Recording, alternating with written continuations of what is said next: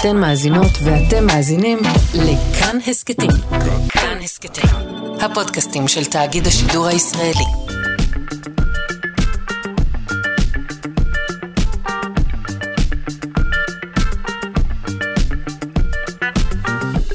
שלושה שיודעים.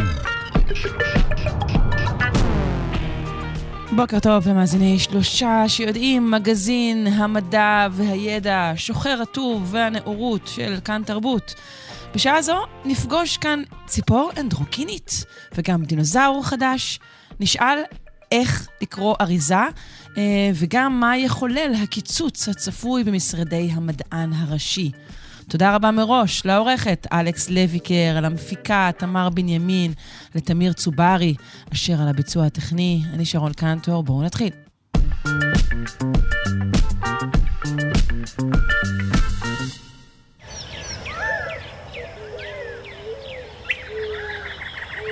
שומעים? שומעים? זוהי ציפור נדירה מאוד, שמחציתה נקבה ומחציתה השנייה אה, זכר, היא פשוט ציפור אנדרוגינית. אה, נשמע עליה מקרן אור, זואולוגית הספארי, וכותבת באתר מכון דוידסון לחינוך מדעי. שלום. בוקר טוב. בוקר אור. אה, אז אני כאילו, וואו, וואו, אבל אולי זה לא כזה וואו, אולי יש הרבה ציפורים כאלה, או בעלי חיים כאלו בכלל? אה, לא, לא, זה, קודם כל זה לגמרי וואו. זה אוקיי, לגמרי וואו, זו הכותרת של הבוקר. אוקיי. המגניבים ביותר ש, שקור, שאנחנו יכולים לראות. באמת, אין, אה, אין כאלה הרבה ציפורים, זה מאוד אה, נדיר לראות אותם, אבל זה כן... אוקיי, איפה, איפה, של... איפה היא תועדה? הציפור הזאת תועדה בקולומביה. אה, בחור בשם ג'ון מרילו שהיה שם באיזשהו טיול, וצפה בציפורים, כמו שהרבה אנשים עושים, כולל אני, אה, באיזושהי חווה, אה, שיש שם איזושהי תחנת האכלה, והוא פתאום ראה את ה... נקרא לו בעברית טפס, טפסן דבש, האני קריפר. אין לו שם אה, רשמי בעברית, האקדמיה לא, לא נתנה לו שם רשמי. טפסן דבש, אוקיי. טפסן דבש ירוק. טפסן דבש ירוק. אה, כשהירוק מתייחס לטפסן ולא כן. לדבש, כי דבש ירוק זה לא נשמע כל כך טעים. בסדר. כן. נכון. אה, אז הוא הסתכל על הציפור הזאת, ובעצם הוא, הוא ראה שבעצם בצד אחד של הגוף שלה, ממש, אם אנחנו חותכים אותה לחצי, אז חצי ממנה נראה כמו זכר, בצבע טורקיז, עם אה, ראש כזה, עם מצנפת שחורה כזאת, וצד אחר הוא לגמרי ירוק תפוח, כמו הנקבה. רגע, אנחנו חותכים אותה הם, לאורך? זאת אומרת, ימין ושמאל, או כן, למעלה ולמטה? ימין ושמאל. ימין, ימין ושמאל. ושמאל. כן. הממ. וואו. כן. זאת אומרת, אם מישהו מסתכל עליה מימין, הוא רואה משהו אחד, נכון. היא בפרופיל, כן. ומישהו מסתכל עליה בפרופיל שני, הוא רואה משהו אחר? כן, בדיוק ככה. ממליצה לצפות בווידאו, זה באמת... באמת משהו אה, מוזר מאוד. יש וידאו, אוקיי, אני אחפש את הוידאו, וואו, לא ראיתי אותו. טוב, מדהים.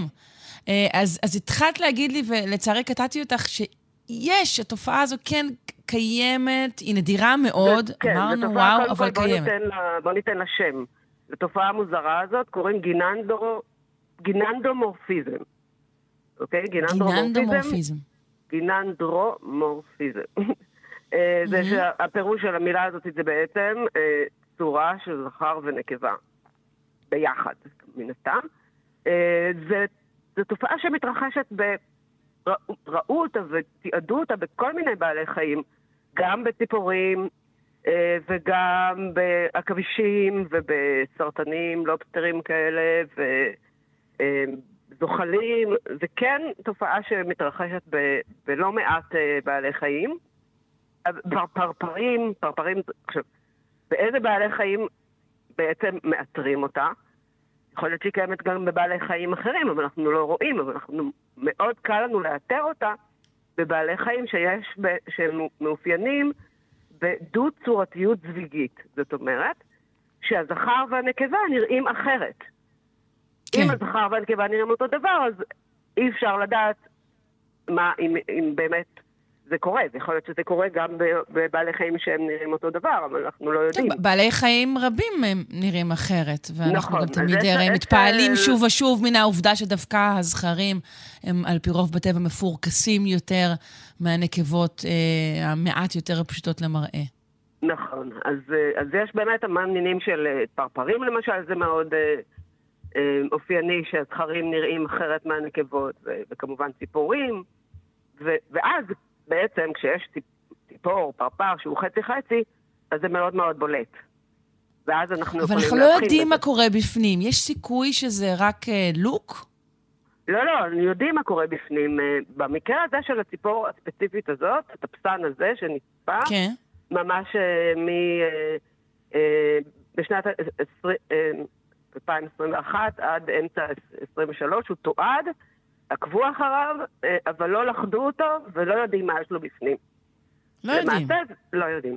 כי למעשה, צריך זה- לפתוח אותו בשביל זה, ואנחנו לא רוצים לפתוח אותו אה, בשביל לא זה. חייבים האמת לפתוח אותו, אפשר למשל לקחת אותו ל-CT או ל-MRI או דרכים אחרות של הדמיה, אבל בשביל זה צריך ל- ללכוד אותו, להרדים אותו. זו התערבות פולשנית שלא החליטו לא, לא לעשות את זה.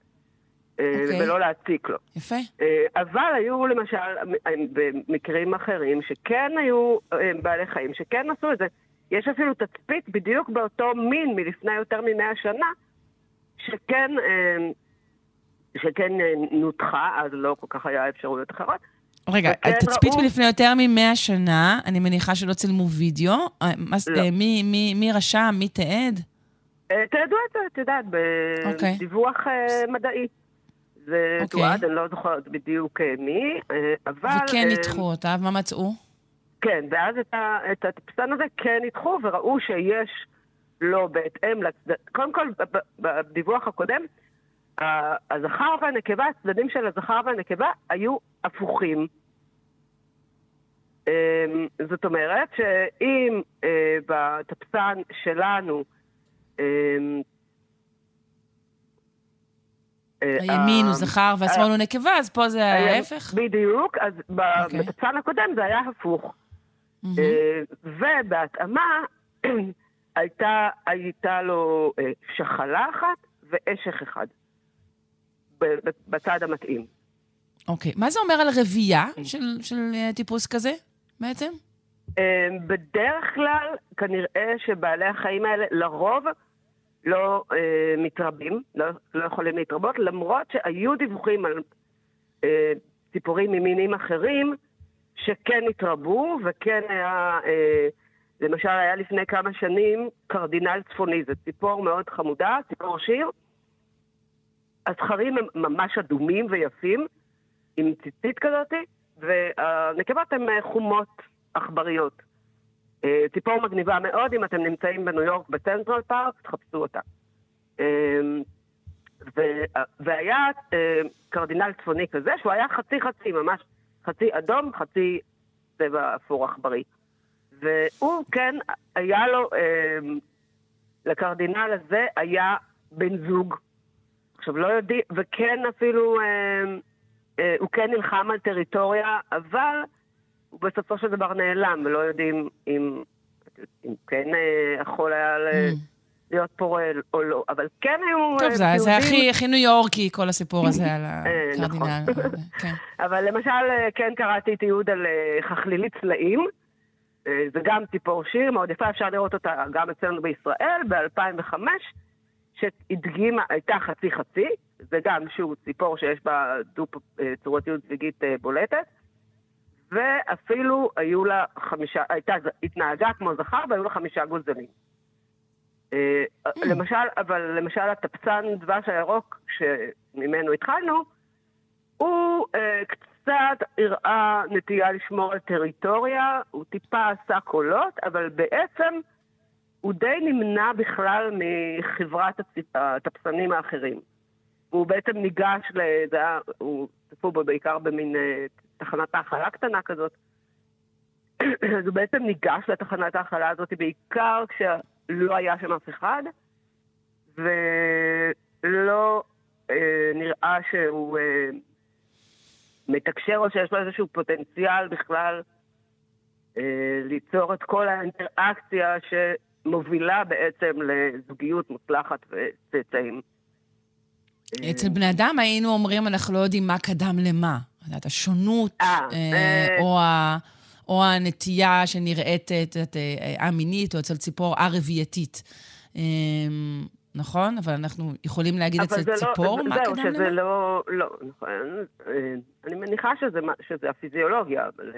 כי, כי, כי הפיזיולוגיה פה היא כל כך שונה, את יודעת, כן. כשאין לך שום דבר שונה, אז את אולי לא יודעת, אבל... וגם, שוב, היו ציפורים שכן הייתה להם איזושהי התנהגות יותר לכיוון של, של זיג אחד, אז... אבל אנחנו מן הסתם אה, לא, לא נדע. אה, עכשיו, אנחנו מה יודעים עוד- לומר למה, למה זה קורה בבירור, אנחנו יודעים לומר? זהו, למה זה קורה? אמ, ההשערה הכי אה, אה, מקובלת כרגע היא בעצם שיש פה שילוב של שני דברים. אחד זה איזשהו אה, פגיעה, אה, טעות, פשלה בחלוקה של הביצית. והדבר השני, שצריך לקרות בו זמנית, זה הפריה של הביצית בשני זרעונים בבת אחת. אמ, ואז מה שקורה זה שבעצם גם בכל הבעלי חיים, הציפורים והזוחלים, בעצם שיטת קביעת המין בעובר היא בדיוק הפוכה מאצלנו. אם אצל בני אדם ואצל יונקים, אה, הזכר הוא בעצם זה שקובע את מין העובר, כי הוא, תאי המין שלו הם אה, הטרוזיגוטים, יש לו X ויש לו Y. ומי שמקבל את ה... מי ש... בעל חיים שיש לו X ו-Y, שהוא הטרוזיגוטי, שיש לו שני חומר- אה, אללים שהם שונים, אז הוא יהיה זכר. בציפורים למשל זה הפוך. יש להם, חומר- של- המין שלהם זה Z ו-W. מי שמקבל Z ו-W בעצם הוא יהיה נקבה, ומי שמקבל Z ו-Z הוא יהיה זכר. היא תהיה נקבה והוא יהיה זכר. כן. אה, עכשיו, מה שקורה זה שיש אה, אה, ביצית, ומופרית בשני זרעונים. זאת אומרת שיש... זרעון אחד נכנס ממש ל... ממש מופרה את הביצית כמו שצריך, אה, והופך אותה במקרה הזה לנגיד לנקבה, וזרעון אחד נכנס לתוך התא, אבל לא באמת למקום שהוא אמור להיות בו, והוא זרעון אחד, הוא לא, הוא לא מתחבר עם כלום, אז הוא פשוט הופך להיות אה, זכר. Mm, אוקיי. אה, ואז בעצם בתוך ביצית אחת, בתור עובר אחד, מתפתחים בבת אחת גם זכר וגם נקבה. יפה. אמ, אנחנו אולי אפילו נצליח אה, בכוחות משותפים להעלות את הוידאו אה, של הציפור הזו, שחציה נקבה וחציה זכר, אל עמוד הפייסבוק שלנו, כאן שלושה שיודעים, ונודה לך מאוד. בשלב זה קרן אור, זואולוגית הספארי וכותבת באתר מכון דוידסון לחינוך מדעי. שיהיה. אה, יום טוב, בשורות טובות. שלום. תודה, להתראות.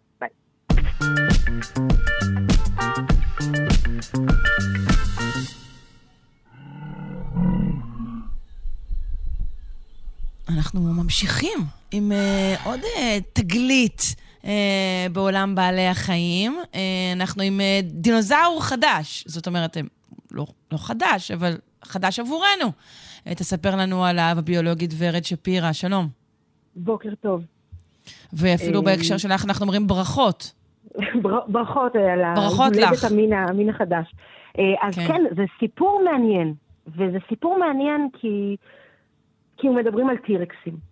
וכשמדברים על הטירקס, יש חגיגה גדולה, כי טירקס הוא באמת אה, נער הוא. הפוסטר של, אה, של, של עידן הדינוזאורים, והוא הכי נחשב, והוא במשך שנים נחשב להכי גדול והכי חזק, ובאמת יש בו, יש בו משהו אחר. עכשיו, יש בו גם משהו אחר, כי למעשה, כשמסתכלים על טירקסים ומסתכלים ככה על עדויות של מאובנים, אפשר לומר שאם אנחנו בדרך כלל באבולוציה, אנחנו מסתכלים על כל מיני קבוצות של, נכון, מאובנים ושלדים ו- ואבות קדמונים, ויש לנו ככה איזושהי שושלת שאנחנו מסתכלים עליה ורואים מאיפה הדברים האלה מגיעים ואיך הם מתפתחים. ובדינוזאורים זה יותר קשה, כי אין המון שלדים ומאובנים שלמים שאפשר להסתכל עליהם, ובפרט בטירקס, כשמסתכלים על טירקסים, הם פתאום מופיעים. כלומר, לא כל כך רואים עדויות של מאיפה מגיעים טירקסים ואיך הם התפתחו, ונכון להיום מצאו משהו כמו 30 ממצאים שונים של שלדים שונים של טירקסים ברחבי העולם. אה, רובם נמצאו בצפון אמריקה, אה, באזור אה, מונטנה, באזור קנדה. יש כאלה שמצאו אותם באסיה, אבל לא כל כך מבינים מה המקור של היצור המופלא הזה ומאיפה הוא הגיע. עכשיו, נעשה באמת כך שנייה איזושהי הקדמה, מצאו את הטירקס הראשון, מצאו ב-1902, זה בעצם אה, לקראת אה, סוף המאה ה-19, מוצאים אותו בוויומינג, בקולורדו, בארצות הברית, אה, והוא מאוד מרגש מההתחלה, הוא הטורף שנחשב אז להכי גדול, הכי, נשיכה הכי עוצמתית. הוא מגיע לאורך של 12-13 מטרים, הוא שוקל משהו כמו 8 טון, יש לו עוצמת נשיכה עצומה עם שיניים בגודל של אה, בננות, והוא באמת נורא נורא נורא מרשים.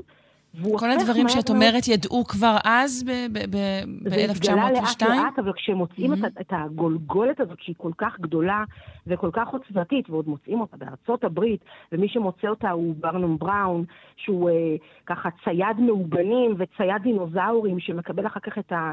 את הכינוי מיסטר בונד, כבר דיברנו עליו פה בעבר בתוכנית, כן. הוא באמת הופך, ממתגים אותו בתור הדינוזאור, מה גם שהוא מאמריקה, אז הם מתגים אותו בתור הדינוזאור, היצור הכי חזק, ומנסים להבין מאיפה הוא הגיע. ושוב, קשה למצוא דינוזאורים, לא מוצאים המון, מוצאים בדרך כלל חלקים, למצוא שלד שלם, זה מאוד מאוד נדיר, ויש לנו אחד שהוא כמעט שלם שנמצא בעולם, זו אותה סו המפורסמת, אותה טירקסית שנמצאת במוזיאון פיל בשיקגו, אבל אין המון מידע לגבי הקרובים הרחוקים או הקרובים של הטירקס. לפני כמה שנים כן ניסו לקחת את כל הממצאים של טירקסים שכן קיימים ולחלק אותם לשלושה מינים שונים. גם על זה דיווחנו בזמנו אה, בתוכנית, לנסות לחלק לשלושה מינים את, את ממצאי הטירקסים, את טיר, טיר, טירנוזאורוסים, רקסים שקיימים, אבל זה לא אה, קיבל ככה את הכבוד הראוי, והקהילה הפלונטולוגית לא זרמה עם החלוקה הזאת. ופתאום מגיע... אני, הממצא... אני שומעת שאת כן אה, תומכת בחלוקה הזו דווקא. אני לא יודעת, זאת אומרת, צריך עוד ממצאים כדי להגיד אם היא נכונה או לא. הייתה כאן... אה, אה, היה כאן ניסיון לעשות חלוקה למינים שונים, אבל גם זה, אפילו שזה מרגש שיש יותר, לא נותן לנו את התשובה לגבי מאיפה הם הגיעו. כלומר, מאיפה הם מגיעים לצפון אמריקה ולמה באזור הזה, באזור מונטנה, באזור אה, אה, קנדה, למה מוצאים יותר טירקסים ולא מוצאים אותם בשום מקום אחר שמוצאים בו דינוזאורים בעולם. ואז מגיע הממצא הזה המאוד מאוד מפתיע, אה, של ממצא שנחפר ב-1980, בסוף שנות ה-80, בניו מקסיקו, שזה דרומית לאזור שטירקסים מסתובבים בו בדרך כלל, ופתאום מוצאים איזושהי גולגולת, שרואים עליה שהיא טירנוזאור, ורואים עליה שיש לה את כל המאפיינים שאנחנו מוצאים בגולגולת של, דינוזא, של, של טירנוזאור, אבל משום מה עצמות הלסת שלה והשיניים שלה, יש בהן משהו מאוד מאוד יותר מעודן, לא נגיד מאוד, זה באמת נראה מאוד מאוד דומה כשמסתכלים על הצילומים של הגולגולת, אבל קצת יותר מעודן, ויש איזשהו רכס שנמצא מאחורי עצמות העיניים, שנמצא בדרך כלל אצל טירקסים, שלא קיים. עכשיו, פתאום, זה, כשהסתכלו וניתחו את, את הממצא הזה, למעשה ראו שמדובר בטירנוזאור, בקרוב משפחה של הטירקס שלנו, אבל זה לא טירקס, אי אפשר להגיד כאן בצורה חד משמעית שמדובר בטירקס, ולכן וכשהלכו ועשו תיארוך, ראו שזה גם עתיק בין חמישה לשבעה מיליוני שנים, יותר מהתקופה מה, שה, שהטירנוזאורוס רקס חי בה. כלומר, מדובר ביצור בגודל של טירקס, בעל מאפיינים של טירקס, שלא חי באזורים שבו הטירקס חיים בדרך כלל, ויש לו את המאפיינים המספיק דומים כדי להיחשב קרוב משפחה, איזשהו אח עובד של הטירנוזאורים, ששופך אור חדש על מאיפה הם הגיעו. כי אם אנחנו מסתכלים על הממצאים ורואים שהם פתאום הופיעו לפני בין 68 למיליוני אה, אה, שנים, זאת אומרת, בסוף הקרטיקון, כשממש היינו בסוף עידן הדינוזאורים, בסוף תקופת הדינוזאורים, מופיעים פתאום השלדים של הטירקסים בעדויות המאובנים, ועכשיו פתאום אנחנו מוצאים משהו שהוא טיפה יותר עתיק, באזור קצת אחר, ולמעשה מרכיב מחדש את התמונה ועוזר לתת עוד מידע לגבי מאיפה הם הגיעו. מה גרם? הרי שוב, אמרנו, הגולגולת הזאת היא לא נמצאה עכשיו, היא נמצאה בשנות ה-80 נכון. בניו מקסיקו. הוכרזה כסוג של, כטירקס בעצם, נכון? זה מה שחשבו. נכון, נכון. מה פתאום, איך פתאום מחדשים מחקר כזה? איך זה קורה? אז, אז, אז ככה, יש, נכון, יש תמיד בפייסבוק את מה, מה ההורים שלי חושבים עליי, מה האנשים חושבים עליי, מה אימא שלי חושבת שאני עושה ומה בעצם אני עושה. אז רוב הזמן, פלאונטולוגים, הם לא הולכים וחופרים דינוזאורים, כי אין המון דינוזאורים לחפור. ואתה גם לא יודע איפה להתחיל, ואתה לא יכול פשוט לצאת החוצה וללכת לחפור. אז קודם כל, אתה בדרך כלל חופר דינוזאורים איפה שכבר מצאו דינוזאורים, ובגלל זה אתה במשך הרבה שנים, מוצא גם את אותם דברים. זאת אומרת, יש כאן איזושהי הטיה של אתה מחפש איפה שאתה חושב שתוכל למצוא. זה הדבר הראשון. הדבר השני הוא זה שאין כל כך הרבה. כלומר, בכל ההיסטוריה של חיפוש דינוזאורים וחיפוש גולגלות וחיפוש מאובנים, אם מסתכלים רק על טירקסים, יש בסך הכל שלוש גולגלות יחסית שלמות של טירקסים שמצאו עד היום, שזה ממש ממש מעט. מה שאתה כן לא. יכול לעשות, במקום ללכת לחפש ולהתייאש, זה ללכת לדברים שכבר מצאו בעבר, כי יש ממצאים שיושבים במוזיאונים, ולא הייתה, לא היו את הכלים הטכנולוגיים להתייחס אליהם בצורה, בצורה הראויה בשנים עברו, ואם פעם התפקיד של הפלאונטולוג היה רק לקחת ערימת עצמות ולנסות להרכיב משהו שנראה כמו משהו חי, אז היום יש לנו הרבה יותר כלים טכנולוגיים, אה, גם כלים של תיארוך וגם כלים של אה, השוואות ואפיונים ומודלים מתמטיים כדי לתאר את התנועה של היצור, ולהסתכל גם אה, במיקרוסקופ אל תוך המאובנים ולגלות אולי, אם אנחנו יודעים היום להגיד, צבעים של דינוזאורים על סמך המבנה של הצורה של התאים שהיו שם על גבי המאובן, אם זה האקולוגיה של הדינוזאור, כלומר איך הוא חי והאם הוא נלחם לפי סימנים על גבי העצמות, אולי סימנים של נשיכות, או סימנים של טפילים שנמצאים בתוך אה, אה, קקי מאובן של דינוזאורים. כלומר, הכלים היום מאפשרים להסתכל אחרת על מאובנים שנמצאו בעבר. והכלים הטכנולוגיים האלה למעשה מספרים מחדש סיפור שכבר סופר בצורה הרבה יותר גולמית. אז זה כן חשוב לקחת את אותם ממצאים ישנים, להסתכל עליהם בכלים חדשים ולנסות להרכיב את הפאזל הזה מחדש.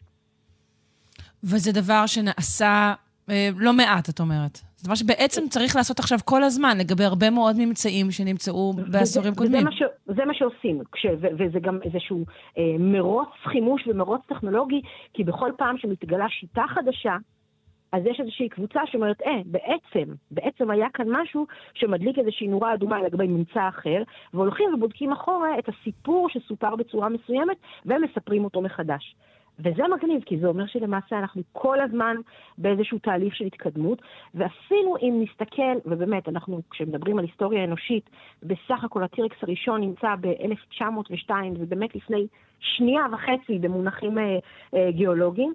אם נסתכל על הציורים הראשונים של טירקס שצוירו על סמך ממצאים של עצמות, לעומת הציורים והערכות של איך הם נראו היום, האבולוציה של הציורים, של איך אנחנו מדמיינים אותם, היא אבולוציה אדירה. אפילו תסתכלו על, על הפארק היורה הראשון, לעומת פארק היורה האחרון, ואפשר לראות ממש איך הטכנולוגיה מתקדמת דרך העיניים האלה של איך אנחנו מדמיינים את היצורים האלה.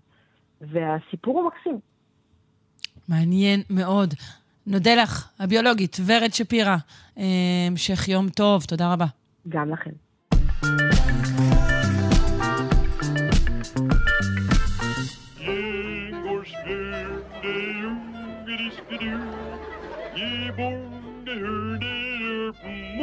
הולכים עם הקורס המזורז אה, בתעשיית המזון.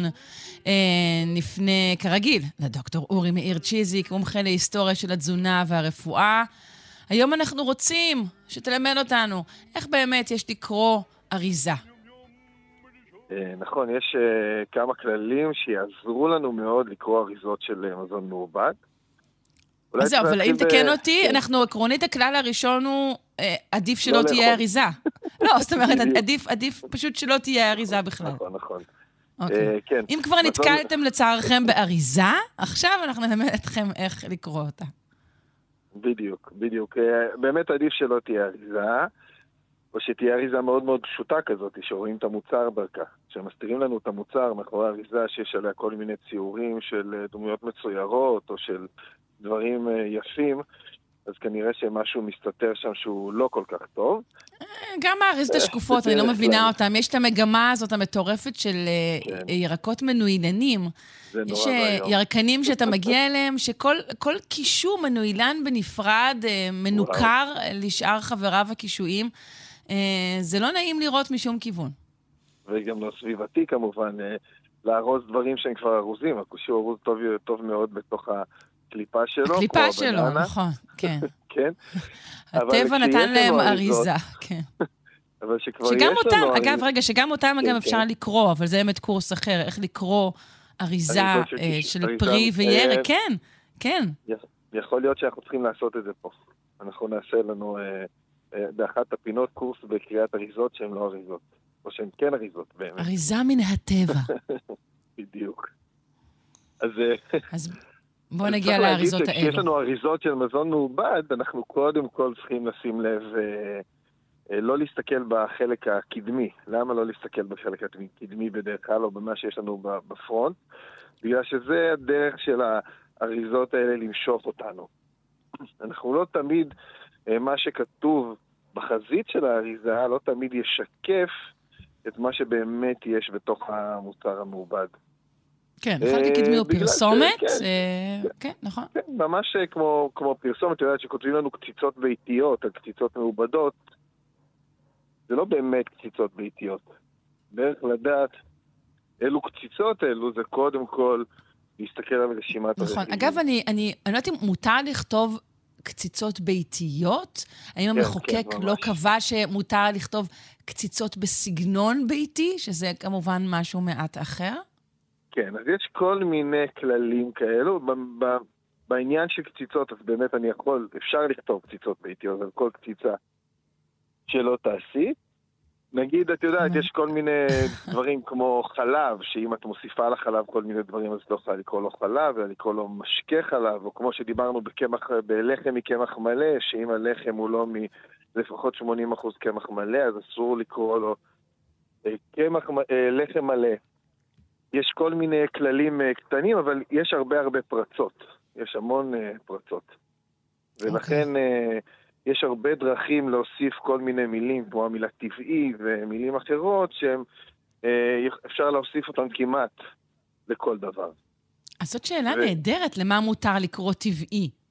וואו, זה... אני יכול להקריא לך את הרשימה של כל הדברים שאפשר לעשות למזון ולקרוא לו עדיין טבעי, לפי התקן, פשוט זה ייקח לנו פינה שלמה. וואו, אבל טוב, זה מעניין אותי, אז אני, אז אחר, תשלח לי את זה אחר כך. אני בכלל כן, מתעניינת כן. בהגדרת המושג הזה טבעי. אוקיי. כן, כן, האמת שפעם ראיתי חבילה של אה, חוטים דנטליים כאלה, את יודעת שיש את החוט הדנטלי עם ה... שזה מחובר לפלסטיק, כמו קיסם, והיה כתוב על האריזה בגדול אה, טבעי. אבל אולי זה משפמי חתול אה, מחוברים לידית שנהב, מה אתה יודע? ברור, ברור, ברור. ואז זה טבעי. בכל מקרה, הדרך הבטוחה ביותר לנסות להבין מה יש בתוך המוצר מזון שאנחנו קונים זה לקרוא את רשימת הרכיבים. אתה יודע, כן. שכתוב מאחור הרכיבים נקודותיים ואת רשימת הרכיבים? בהחלט. אז אבל זה אנחנו רשימה, כבר... וזה? הם אומרים לנו בבית ספר שהראשון זה הכי הרבה, זה נכון? זה נכון, נכון, זה הרבה אנשים לא יודעים, זה נכון. כן.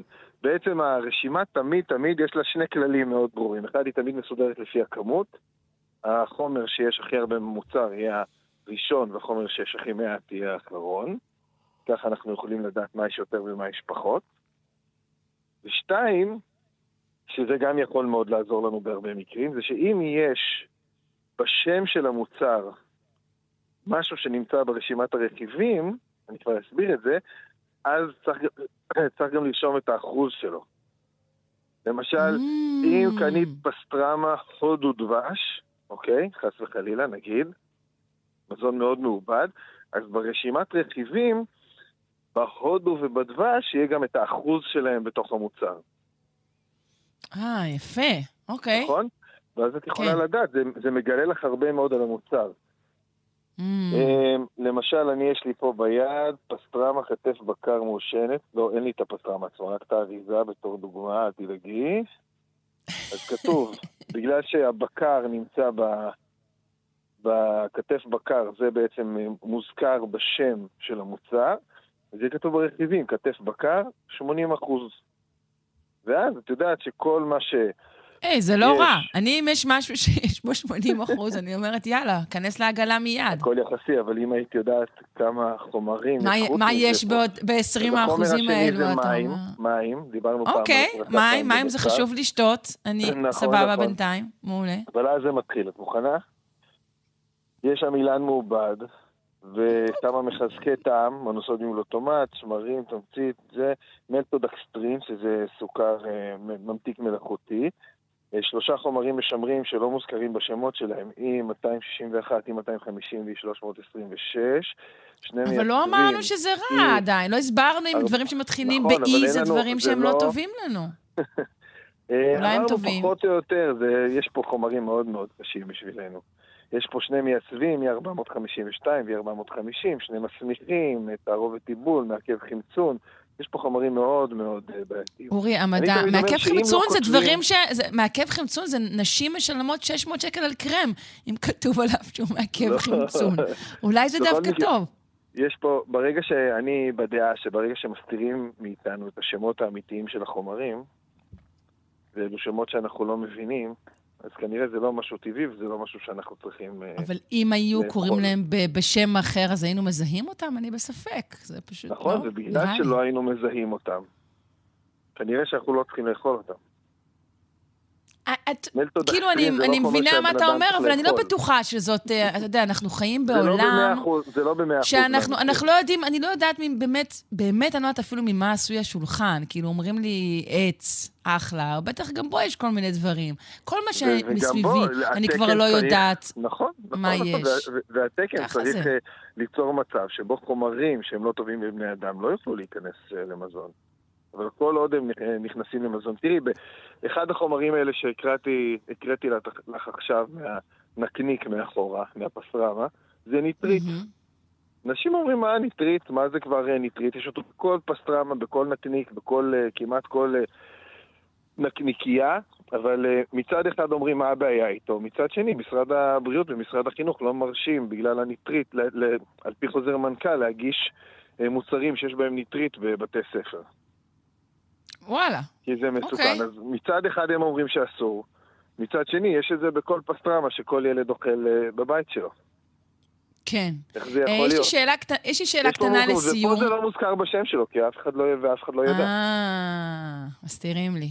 יש לי שאלה קטנה לסיום. אמ, ככה, אמ, היינו צמאות, בנותיי ואני.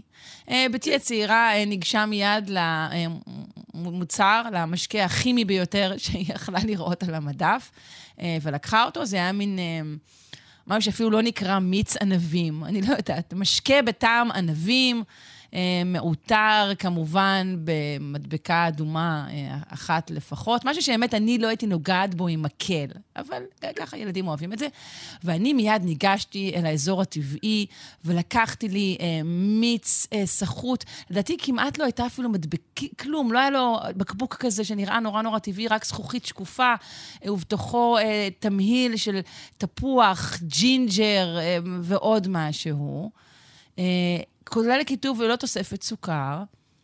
אבל כשהסתכלנו טוב, הבנו שאני שתיתי יותר סוכר, שכן בבקבוק שלה היו סך הכל אה, אה, שתי כפיות סוכר, ואצלי היו שתיים וחצי.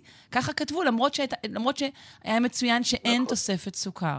מה קרה נכון, פה? כי, כי יש אה, שני דברים. אחד, אה, דבר ראשון, יש חומר, יש בעצם, יש סוכר טבעי בפרי. וכשאני עושה מיץ... והוא נמדד מסוים- בכפיות? הם יכולים לכתוב לי שיש כן, שם בעצם סך הכל. שתיים וחצי כפיות סוכר? בהחלט, בהחלט. בהחלט, יש אז מי עשה את, יותר טוב? מי עשה יותר טוב לגופו בסופו של לדעתי דבר? את מי עשית שסתם... יותר טוב אה, לגופך, כי למרות שזה לא טוב לשתות אה, מיץ שיש בו הרבה סוכר, אה, כמות הסוכר שהייתה אצלך לא הייתה מספיק גבוהה כדי שזה יבטל את כמות החומרים הכימיים שהיו אצלה. ושניהם Mm. מזיקים, זאת אומרת, צריך פה לעשות איזשהו ניהול סיכונים. זאת אומרת, אני לא רוצה שתשתי, אני אתן דוגמה קיצונית יותר, אני לא רוצה שתשתי קוקה קולה, כי יש שם קפאין שהוא ממכר ויש שם עוד חומרים שמזיקים למערכת העיכול שלנו. אה, אבל, אה, אה, ועדיף שתשתי מיץ תפוזים סחוט, אבל גם מיץ תפוזים סחוט יש בו סוכר. זאת אומרת, אני מעדיף שתשתי את המיץ תפוזים הסחוט על פני קוקה קולה, אבל אני מעדיף שתאכלי תפוז על פני מיץ תפוזים סחוט. מה, למה, מה עושה הסחיטה לתפוז? ברגע שאת סוחטת את ה, רק את הנוזל המתוק, את בעצם מעלה את רמות הסוכר, וגם את, את שותה יותר. זאת אומרת, את צורכת יותר מהחומר, ואז כן, מיץ מתפוז אחד זה לא כך מספיק, נכון. נכון, את לא, את לא שותה, זה לא כמו לאכול תפוז אחד. אני מעדיף שתאכלי תפוז על פני מיץ תפוזים, אבל אני מעדיף שתשתי מיץ תפוזים על פני קולה. וככה כן. אנחנו עושים איזשהו ניהול סיכונים מורכב.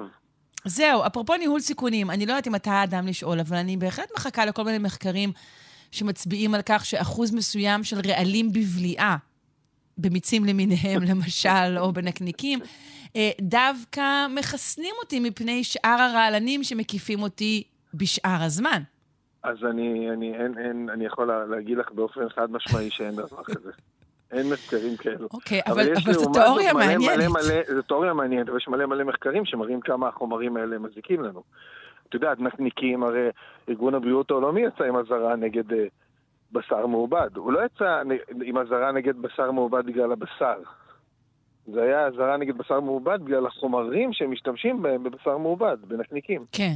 ואתה אומר, אחוז מסוים של בשר מעובד לא מגן עליי מפני אה, זיהום האוויר, אני, נגיד, מארובות כן, חדרה. אני, אני מתנצל, אין לי, אין לי בשורות טובות בתחום הזה. טוב, טוב. קיוויתי לי מין תיאוריית גיבורי על כזו, אבל אה, זה כנראה עדיין לא, לא מוכח. עוד לא, עוד אני לא. מודה לך מאוד, ניפגש אה. בשבוע הבא עם עוד מידע חיוני. דוקטור אורי מאיר צ'יזיק, מומחה להיסטוריה של התזונה והרפואה. שלא תדע אריזות. ביי ביי. להתראות.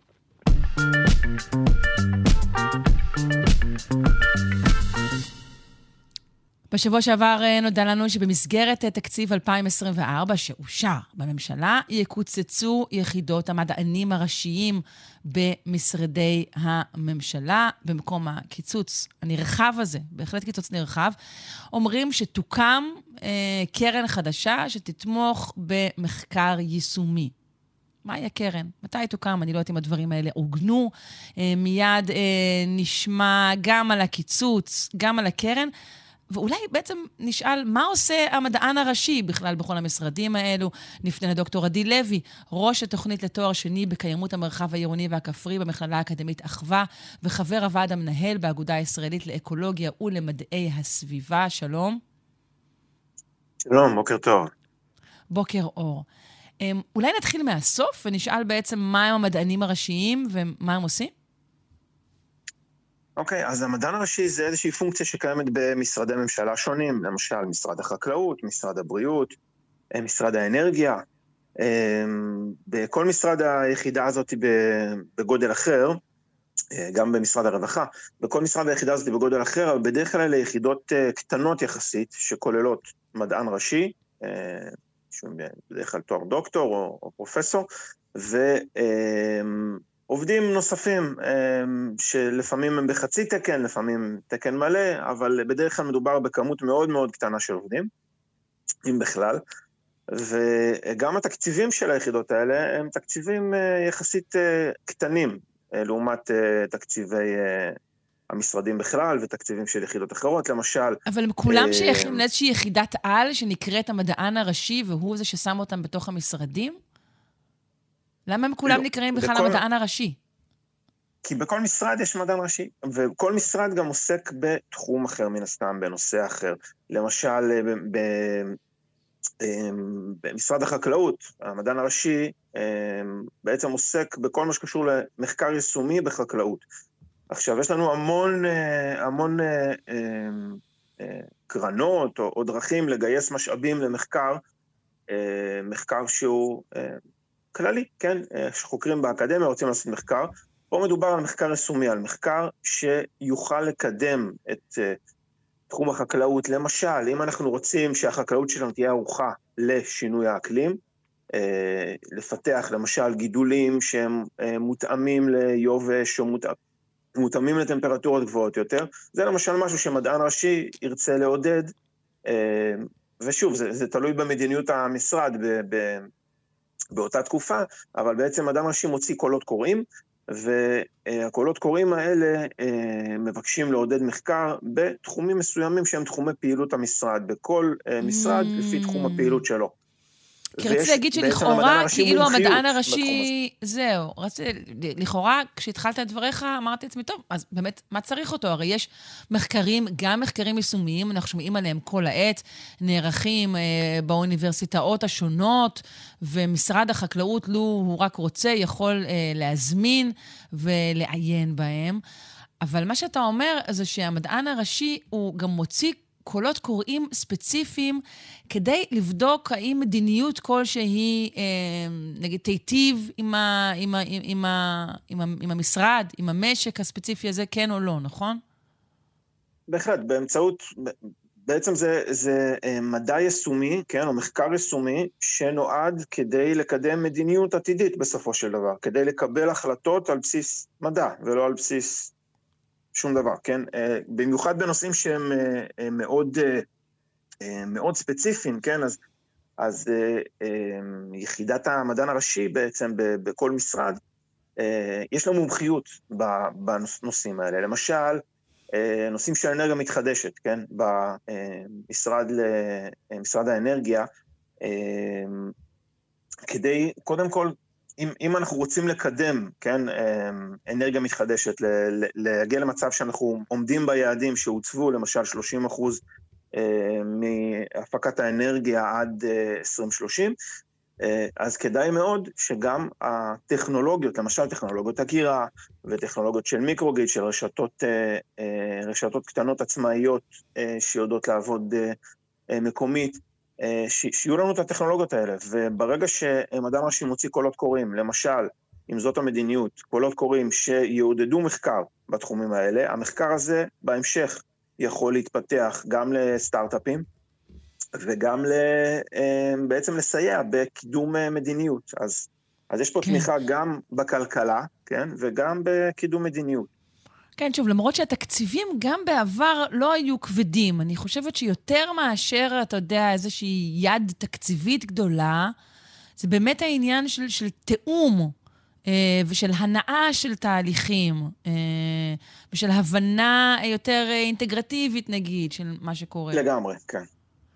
כן, אז קודם כל, מבחינת תקציבים, אה, אז אם נסתכל על אה, ההצעה הראשונית, או הפרסומים הראשונים, אה, לפני סדר גודל של אה, אה, עשרה ימים, כמעט שבועיים, התחילו לדבר על הנושא הזה של קיצוץ היחידות של המדען הראשי. בחלקם דובר על סגירה מוחלטת, באחרות, למשל משרד החקלאות אה, פורסם שיקוצצו 40 מיליון מתוך 45 מיליון שקל שהם התקציב השנתי. דובר על ביטול תקנים, דובר על למשל תקציב המדען הראשי במשרד התחבורה אה, רצו לקצץ 8 מיליון, אה, למרות שבפועל התקציב עומד על מיליון, כל מיני אה, דברים קצת מוזרים, כן? ומה עוד היה פה? היה פה, אה, היה פה עוד משהו מעניין. במשרד הבריאות, על פי הטיוטה שפורסמה בהתחלה, רצו לקצץ 15 מיליון, למרות שהיחידה תוקצבה בשנה הקודמת בשמונה וחצי. אז זה היה הפרסום הראשון, אולי, אולי צריך מתמטיקאי ראשי אה, דווקא, שיכניסו אותו, והוא להיות. ידע לומר אה, כן. מה קורה פה. Hmm. בהחלט יכול להיות, אני, אבל... אני מבינה מהפרסומים אבל... שאולי הנזק הגדול ביותר, וזה באמת בתחומך, עלול להיות בתחומי הסביבה? כן, אז גם במשרד להגנת סביבה יש מדען ראשי, מדענית ראשית, ובעצם הנזק, אה, אם בעצם המושג הזה, מדע ראשי מבוטל, הנזק הוא, הוא מאוד משמעותי, כי באמת היכולת של הממשלה אה, לקדם מדיניות מבוססת מדע תיפגע. לא תמיד המחקר שהתנהל אה, בעולם, בארץ, מחוץ ל, לידיים של הממשלה, אה, לידיים המכוונות, כן, של הממשלה, אה, בעצם יענה על, ה, על הצרכים ועל הרצונות אה, לקדם מדיניות באותם תחומים. אבל ו... זה גם קידום, uh... עדי, וזה גם פיקוח על הקיים. גם לזה צריך בעצם את המדען כן. הראשי, נכון? להבין, נגיד, נכון. מה מזהם ומה לא. נכון, לנתח, אה, אה, לנתח למשל אה, מזהמים, מזהמי אוויר, או מצב לאורך שנים, ולהבין, לנסות להבין מהו המזהם הדומיננטי, במה צריך לטפל קודם. יש לנו אין ספור מזהמי אוויר. אנחנו צריכים, אם אנחנו רוצים לקדם מדיניות, אנחנו צריכים להחליט איפה משקיעים את הכסף, במה אנחנו, איפה יהיה האימפקט הגדול ביותר אם נפעל באותו כיוון. וברגע שאנחנו מבצעים איזשהו ניטור, ומקבלים נתונים לגבי אמ, סוגי המזהמים השונים, ההשפעה הבריאותית שלהם, יכולים בהחלט לקבל החלטה מושכלת יותר. בסופו של דבר, דרך אגב, מה שהוחלט עליו בשבוע שעבר, זה אה, קיצוץ רק ב-50% ב-2025 אה, של אה, תקציבי יחידות המדען הראשי בממשלה. אתה אומר ו... רק ב-50 אחוז? זה, זה די הרבה, לא? כן, ו- okay. כן, אוקיי. במקום קיצוץ בסכומים שהם לא קיימים אפילו שם. ובחינה uh, okay. של קרן לאומית למחקר יישומי. עכשיו, על פניו, להקים קרן לאומית למחקר יישומי שתרכז את כל הפעילות של כל המדענים הראשיים ותייעל גם חלק מהפונקציות שם שקיימות בכל משרד, זה נשמע, זה נשמע טוב על פניו, לא? התייעלות וחיסכון. אני לא יודעת אבל... אם משהו, גוף שמרכז את כל, כל, כל תחומי המדע שהממשלה בעצם צריכה לעסוק בהם, זה, אבל נגיד שכן, לצורך הדיון. יופי, יופי של דבר, אבל... כן.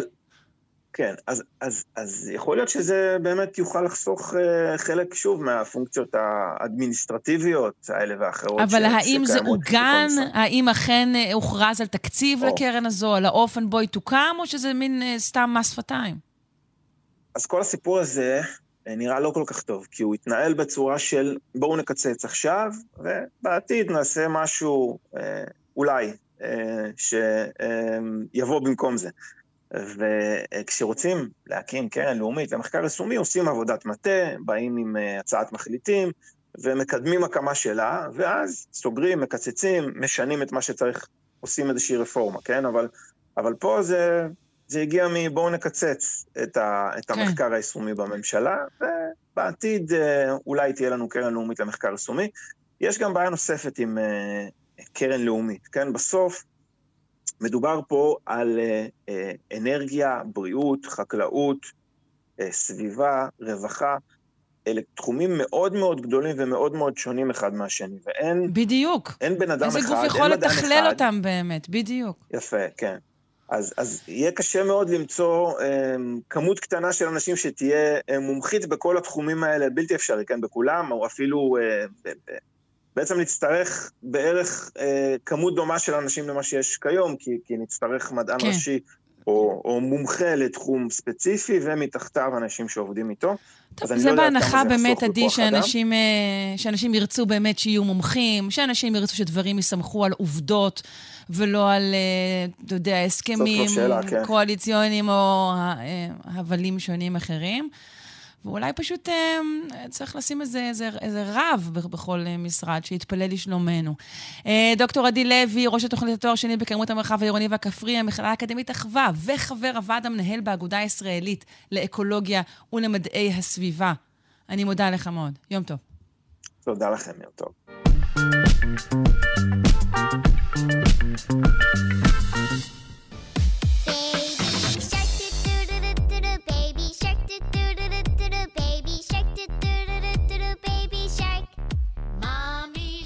וואו, תנסו לשיר את זה עם בני גנץ, זה עובד מעולה.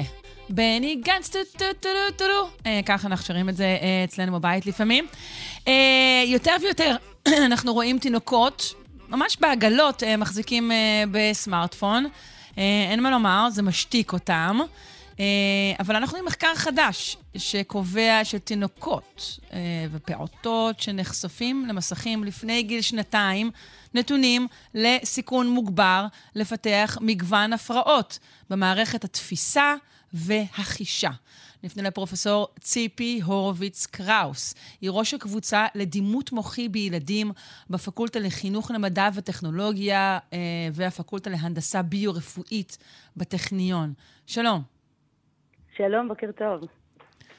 בוקר אור. אז אנחנו אכן מדברים על uh, נטייה שהולכת uh, ורווחת. אמ, זאת למרות שמי שאפילו אה, קצת, מעלעל קצת במחקרים כאלה שנמצאים בעיתונים היומיים ובכותרות גדולות, אמ, יודע, אני חושבת, שחשיפה למסכים לפני גיל שנתיים היא לא דבר בריא. זה דבר שכבר דובר ונקבע, לא? כן, אז קודם כל, אה, את יודעת, איגוד רופאי הילדים האמריקאי ובעקבותיו גם איגוד רופאי הילדים הישראלי באמת הוציאו אה, סוג של אה, התוויה, סוג של הנחיות לזמני מסך מומלצים עבור ילדים, ואכן עד גיל שנתיים ההמלצה היא לא לחשוף פעוטות למסכים מכל סוג שהוא. ומגיל שלוש ומעלה, באמת למנן מאוד מאוד מאוד את זמן החשיפה. אה, אבל החידוש במחקר הנוכחי, ש, שבאמת פורסם באחד העיתונים הטובים אה, לרפואת ילדים, JAMA Pediatrics, הוא בזה שהיה מעקב אה, צמוד אחר ההורים והפעוטות בגילאים הצעירים, עד גיל שנתיים, ואז בדקו בעצם עד כמה החשיפה עליה דיווחו ההורים מתקשרת לקשיים ברמה החושית. אה, וזה בעצם המחקר הראשון שבו לא היה איזשהו דיווח רטרוספקטיבי, זאת אומרת, בכמה זמן אתה משערך שהילד שלך היה חשוף למסכים, אלא באמת היה איזשהו דיווח בזמן אמת על החשיפה. אז זה הייחוד mm, של המחקר okay. אוקיי. הספציפי הזה. אוקיי. Okay. אה, אז בואי ניגש לממצאים אחד-אחד ותרחיבי עליהם, בבקשה. כן. כן, כן, פשוט ככה, אבל תני, תני לנו את כל האמת הפרצוף. אז זהו, אז הממצאים הם, באמת אה, באופן, כמו שאמרת, לא מפתיע, הם לא מעודדים. אז מחקר הזה קודם כל מחקר גדול. היו בו 1,471 ילדים שעליהם עקבו אה, בשנתיים הראשונות לחיים. אה, ונמצא, שוב, מעקב היה על ידי שאלונים, ההורים מילאו שאלונים בנוגע לחשיפה למסכים, ופה אני אומרת, אפילו לא היו פה טאבלטים ו- וטלפונים וניידים, כמו שציינת בהתחלה, ממש רק טלוויזיה ומחשבים, כי מדובר על 2011 mm, okay. 2014. זה, עוד לפני, כן? זה עוד לפני התינוקות עם הסמארטפון בעגלה, את אומרת. בדיוק, אוקיי. בדיוק. Mm. עכשיו אנחנו כאילו על התקופה, בסטרואידים מה שנקרא, זה עוד יותר, אבל את אומרת, זה הימים התמימים שבהם הילד היה רק מונח מול הטלוויזיה בסלון, אוקיי. בדיוק, ימי Baby Einstein. אז, כן. באמת, אז מה, שהם מצאו זה דבר כזה, שזמן חשיפה למסכים עד גיל 12, חודש, 12 חודשים, זאת אומרת עד גיל שנה, ככל שהילד היה חשוף יותר, זה העלה באופן ישיר את הסיכוי שלו לקשיים אה, חישתיים אמ, בהתאמה. רגע, רגע, אנחנו צריכים פה הסברה גם על קשיים חישתיים, כן. וגם על עלייה באופן ישיר. שני דברים שאנחנו צריכים הסבר. אוקיי, אז, אז קודם כל בואו נלך, אה, נתחיל מהסוף. Uh, קושי ברמה, ברמת מערכות החישה, זאת אומרת, uh, מערכת הראייה, מערכת השמיעה, בעצם החושים שלנו. אומר שילד, על מנת לחוש מגורי, על מנת שהוא יתעניין במשהו, צריך או מאוד מאוד מאוד לגרות אותו, זאת אומרת להביא לו הרבה הרבה הרבה גירויים כדי שהוא ירגיש מסופק, או במצבים ההפוכים, אה, אה, תת חישה, שלא משנה כמה ניתן לו, הוא עדיין אה, לא מרגיש רגוע. אה, וזה בעצם, אה, התוצאה הזאת היא איזשהו תוצר של אה, אזורים במוח שאחראים על עיבוד הגירויים מבחוץ, שלא מתפקדים ברמה, ברמה שבה אנחנו מצפים לגיל של הילד. אז אנחנו רואים מין ילדים לא רגועים שכאלה, ילדים שכל הזמן מחפשים איזשהו משהו כדי להיות רגועים. אז מה שמצא המחקר הזה, זה ככל שילדים בילו יותר זמן, על פי הדיווח של ההורים, בחשיפה למסכים, למסכים שהם בדקו במחקר, אז כך היה צריך בעצם מאמץ גדול יותר על מנת להביא את הילד לרגיעה ברמה החושית. אז אנחנו מדברים על, על נענוע, ואנחנו מדברים על משחקים שצריך לתת לילד, אה, אה, וקולות יותר גבוהים וכן הלאה וכן הלאה. כלומר, אם אני מתרגמת את זה לשפה הורית, כשאני mm-hmm. נתתי אה, אה, לילד הצעיר שלי טלפון כדי שיירגע, כדי שאני אוכל אה, לנהוג, לבשל, whatever, בעצם mm-hmm. יצרתי לעצמי בעיה הרבה יותר גדולה עם ההרגעה שלו אחר כך. כי אני צריכה. להמשיך ולספק לו כל מיני אה, רגיעונים שונים. נכון. ואת לעולם לא תגיעי למצב שבו תהיי כמו, מעניינת כמו סרט של Baby Shark, כמו אותו סיפור. אה, את, אה, את צריכה לבוא אליי ולראות אם זה נכון, הקביעה הזו, אני לא בטוחה, אבל אה, אוקיי. אבל זה מאתגר, אבל זה מאתגר. זאת זה אומרת. רמות האוקטבות, הצלילים שאליהם צריך להגיע, שמגיעים מהמכשירים, וקצב הבאת הגירויים ברמה הוויזואלית, ברמת מה מגיע למסך, איזה צבעים, באיזה קצב, ואיך זה מסונכרן עם הצלילים ש, שמגיעים מהמכשיר, זה משהו שהוא מאוד מאוד אה, קשה לייצר בעולם האמיתי, אנחנו לא חיים בסרט וידאו. אה, כן, אבל, אנחנו רואים שהעולם האמיתי כן מתאים את עצמו יותר ויותר לכך. זאת אומרת, אם נכנסים לכיתות, והכיתות רועשות הרבה יותר, ויש הרבה יותר דברים אה, על הקירות, וגם בכיתה שמים להם הרבה הרבה הרבה יותר סרטונים, הדבר הזה כרוך בכך שמי שכרגע נמצא בכיתה נמוכה הוא מן הסתם ילד שכבר נחשף למסכים בגיל צעיר, וגם המורים אולי נחשפו להרבה מסכים, וחשפו גם את ילדיהם שלהם בבית להרבה מסכים. כלומר, הדבר הזה הוא, את יודעת, המציאות מתאימה את עצמה אה, למה שאת מתארת.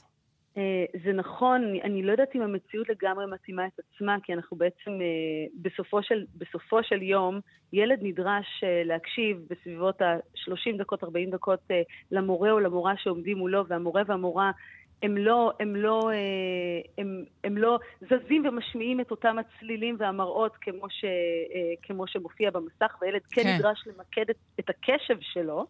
על הוא לא נדרש, ל... הוא לא נדרש. הרבה, אבל, בס... אבל זה כבר באמת אה, נושא אחר. בואי, בואי נגיע ממש למוח עצמו, למה גילו שקורה במוח. אה, דיברנו על, על החושים, אבל נכון. גם, אה, גם אה, יש פה עניין עם קליפת המוח. ועיבוד המידע.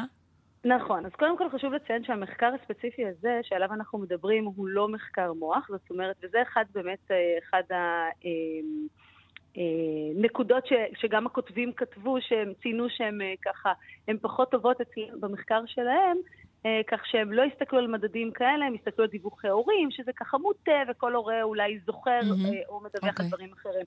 מחקרים אה, מתחום של חקר המוח, אה, שבהם אנו עוסקים במעבדה, אה, מצאו שילדים אה, בגילאים, אותם גילאים אה, אה, צעירים, בגילאי שלוש, שהיו חשופים ליותר זמן מסך, בעצם הראו אה, שהחיבור עצמו, בואו נקרא לזה הכבישים שמחברים בין האזורים השונים במוח, שדרכם מועבר המידע, דרכם מועבר בעצם האות החשמלי שעליו המוח שלנו עובד, אה, הם מסודרים בצורה טובה פחות, באופן פחות, פחות טוב, מאשר אצל ילדים שנחשפו לפחות זמן מסך, לזמן מסך נמוך יותר. אה, אני יכולה להקביל את זה לנסיעה לכביש, והכביש יכול להיות עם, עם הרבה מאוד בורות בדרך, ואתה רוצה להגיע מנקודה אחת לנקודה שנייה, ואם יש הרבה בורות, אולי בסופו של דבר תגיע, אבל אתה תגיע לאט יותר.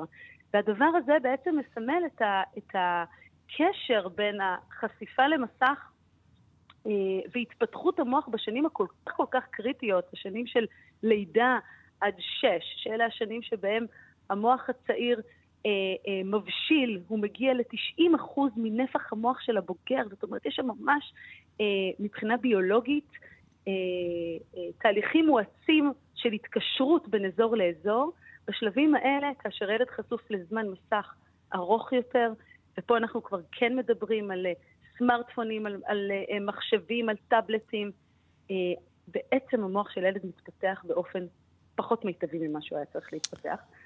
השאלה היא, מקודם אמרנו אה, על, על רמת גירוי גבוהה. השאלה שלי, האם זה, הרי לא כל הסרטונים הם בהכרח, אה, כלומר, טוב, רובם, אני סתם אומרת, אה, צעקניים ו, וזה, זה, זה קשור לעצם זה שזה במסך ולא באמת אה, כרוך בנוכחות, מגע, ריח, אה, מבט. אני מנסה להבין איפה בדיוק נמצא הנזק.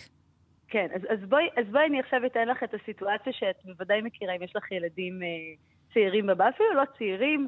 אז הם יושבים, מסתכלים אל, ה, אל אותה קופסה שמשדרת אלינו מידע, שגם אני צמודה אליה בימים אלה עם החדשות, אין מה לעשות. אבל את רואה מין בהייה כזו, מין פה פעור ועיניים מזוגגות שמסתכלות אל המסך. ואנחנו עשינו איזשהו מחקר סופר מעניין, שהשווה מצב שבו ילדים מסתכלים אל טלוויזיה, אל איזשהו סרט אנימציה, לעומת אותו, אותו מצב בדיוק בו הילדים רואים תמונות ושומעים מלל, משהו שדומה לסיפור, כן? ואת הכל עשינו בתוך ה-MRI, וגילינו שבעצם למרות שאת חושבת שכשילד צופה בסרטון, שיש בו אה, אנימציה, ויש בו קולות, והדברים זזים, נצפה שאזורי הראייה ואזורי הקשב יהיו מעורערים יותר, נכון? זאת אומרת, אתה אומר, הם יותר כן, מגורים. הוא רואה משהו, שומע משהו, צריך אז- להבין אז- משהו. אוקיי. נכון, אז, אז לא, אז בדיוק ההפך. אזורי הראייה ואזורי הקשב היו מגויסים פחות כאשר הילד היה בתוך ה-MRI וצפה בסרטון, לעומת מצב שבו הוא צפה בתמונות שהן לא זזות עם קול. זאת אומרת, משהו שיותר דומה לסיפור. ומה שאנחנו הסקנו מפה, שהצפייה בעצם בסרטונים, הצפייה בטלוויזיה, בווידאו, היא לא תמיד מגייסת כמו שאנחנו חושבים. המוח שלנו קצת נח. אם תחשבי מה יותר נוח ומה יותר קל לך, לשבת לקחת ספר ולקרוא ולהתעמק בתוך הספר, או לשבת ולהיות פסיבי. לא, את, לא, את זהו, את תיארת בדיוק את התחושה הזאת שאנחנו מכירים, שבעצם מנוחה מלאה יש רק מול הטלוויזיה. היא באמת יוצרת לך איזה... אתה מרגיש את כל גלי המוח אה, נינוחים יותר, אפשר להגיד. אז נינוחים, כנראה שעל זה נכון. מדובר. כי יש פה פחות מאמץ, כי אנחנו פחות מתאמצים כן. קוגנטיבית, אנחנו פסיביים, לעומת מצב שבו בספר כשאני קורא, אני ממש לא פסיבי, אני מדמיין, אני חושב על הדברים, ואני חייב להיות בקשב, כי אחרת אני מאבדת איפה שהייתי ואני חוזר אחורנית לשורות הראשונות. אז נראה שדווקא הטלוויזיה, דווקא הדברים שמגיעים אלינו באופן פסיבי, ושוב, לא שזה מאה אחוז רע, לפעמים גם אנחנו צריכים לנוח, גם הילדים צריכים לנוח. הדברים צריך, צריכים אה, להילקח בחשבון על ידי הורים אה, ברמת המינון. ואם האם- יש ילד... כן, סליחה. אני נתפסת למשהו שאמרת, האם יש סיכוי שכש... הרי מן הסתם אופיים של סרטונים, זה כולל באמת גם אה, ראייה וגם שמע. האם יש סיכוי, שוב, לא לגבי פעוטות, אלא גם לגבינו, שכשאנחנו בעצם בוחרים רק מימד אחד, אנחנו אומרים, אני כרגע, נגיד, רק קוראת, או, או, או רק מקשיבה למוזיקה, אה, דבר שאף אחד כבר כמעט לא עושה, אז המוח מתפתח יותר, דווקא כשאנחנו בעצם כאילו במימד אחד, האזנה בלבד, צפייה בלבד, מאשר במשהו שהוא חובק את כל החושים? אה, אני חושבת שזאת אה, תיאוריה נפלאה, ואני מאמינה שכן. כי על מנת להתרכז, על מנת למקד את הקשב שלך רק בגירוי אחד, אה, אתה צריך אה, לגייס את מערכות, ה, מערכות הקשב שלך אה, למקסימום. אני רוצה לקחת אותך לשיעור יוגה אם עשית פעם, או שמישהו עשה, או מדיטציה. היה איזה ניסיון. העיפו אותי מהיוגה. לא. זה נורא קשה, נכון? כי באמת זה מאוד זה קשה. מאוד קשה. אז יש לך בעצם אימון פה של מערכות הקשב שלך, של ריכוז בחוש אחד, אה, לאורך זמן. ואני חושבת שכן, זה אכן יותר קשה, זה אכן מפתח אה, יותר אזורים, אה, ואולי את האזורים האחרים גם, אה, אבל באמת צריך להיות פנוי לזה מבחינה, אה, אה, מבחינת יכולות קשב, ואני בהחלט מודעת היום אה, שכולנו מאוד מאותגרים בעניין בגלל המצב, אנחנו כן רוצים כן, לתת אבל... לילדים. you know, תמיד יש תירוץ. Um, שאלה אחרונה לסיום. אז אמרנו שזה, המחקר הזה לפחות אה, נשען על דיווחים, וראינו, אה, אמרנו שהילדים אה, האלו שנחשפו לזמן מסך ארוך, גם נזקקו ליותר גירויים בהמשך אה, כדי להגיע לרמה של רגיעה. השאלה היא האם זה בר תיקון. אם אנחנו, יש מחקרים שאומרים, אוקיי, אבל אם תורידו את המינון דרסטית, מכיוון שאנחנו מדברים בילדים והם אוכלוסייה אלסטית, אם אפשר mm-hmm. לקרוא לזה, אז אפשר mm-hmm. לתקן את זה, ומהר. יש מחקרים כאלו?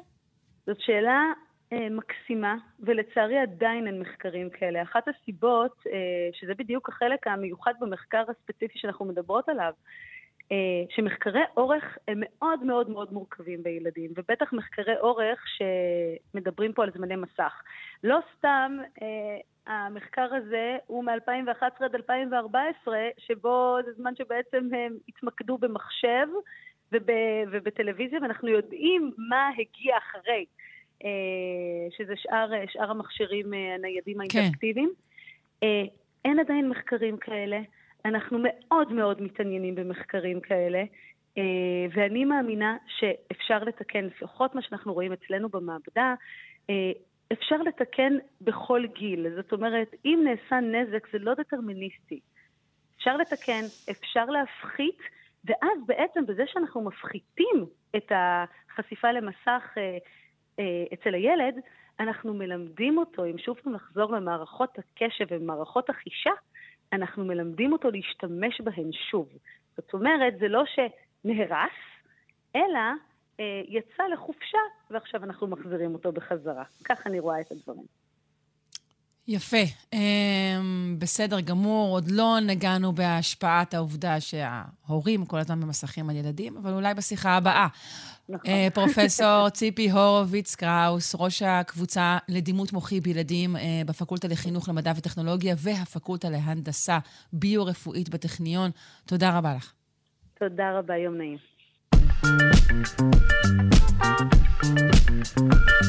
אה,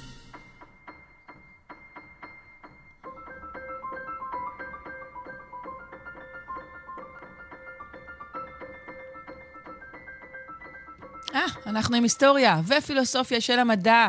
פינתו של נתי קופפר מהאוניברסיטה העברית. שלום. שלום, שרון. היום אנחנו מבצעים אה, חריגה, אה, נכון? פסענו אה, יד ביד עם אריסטו בכל השבועות האחרונים, אבל אתה מרענן אותנו היום עם משהו אחר לגמרי. אה, לא אחר לגמרי, אבל קשור. אה, דיברנו הרבה. אוקיי. על, בפעמיים האחרונות על התפיסה התכליתנית, הטליאולוגית של אריסטו. אה, אז חשבתי שנצפין קצת בזמן ונדבר על ה, באמת על התפיסה המכניסטית אה, במדע המודרני, ולדבר קצת על הדמות שהיא אולי נושאת הדגל הבולטת ביותר, שבעצם עושה סדר יום מכניסטי למאה ה-17, וזה אה, המתמטיקאי והפיזיקאי, הידוע אבל ביותר כפילוסוף החשוב, רנה דקארט. אה, קצת נדבר עליו ועל התפיסה המכניסטית שלו. ואיך הוא הגיע אליה, ועל המשמעויות שלה. כן, כל מה שאנחנו זוכרים ממנו בסוף זה, אני חושב, משמע אני קיים, נכון? זה מה שאנחנו יודעים להגיד בערך.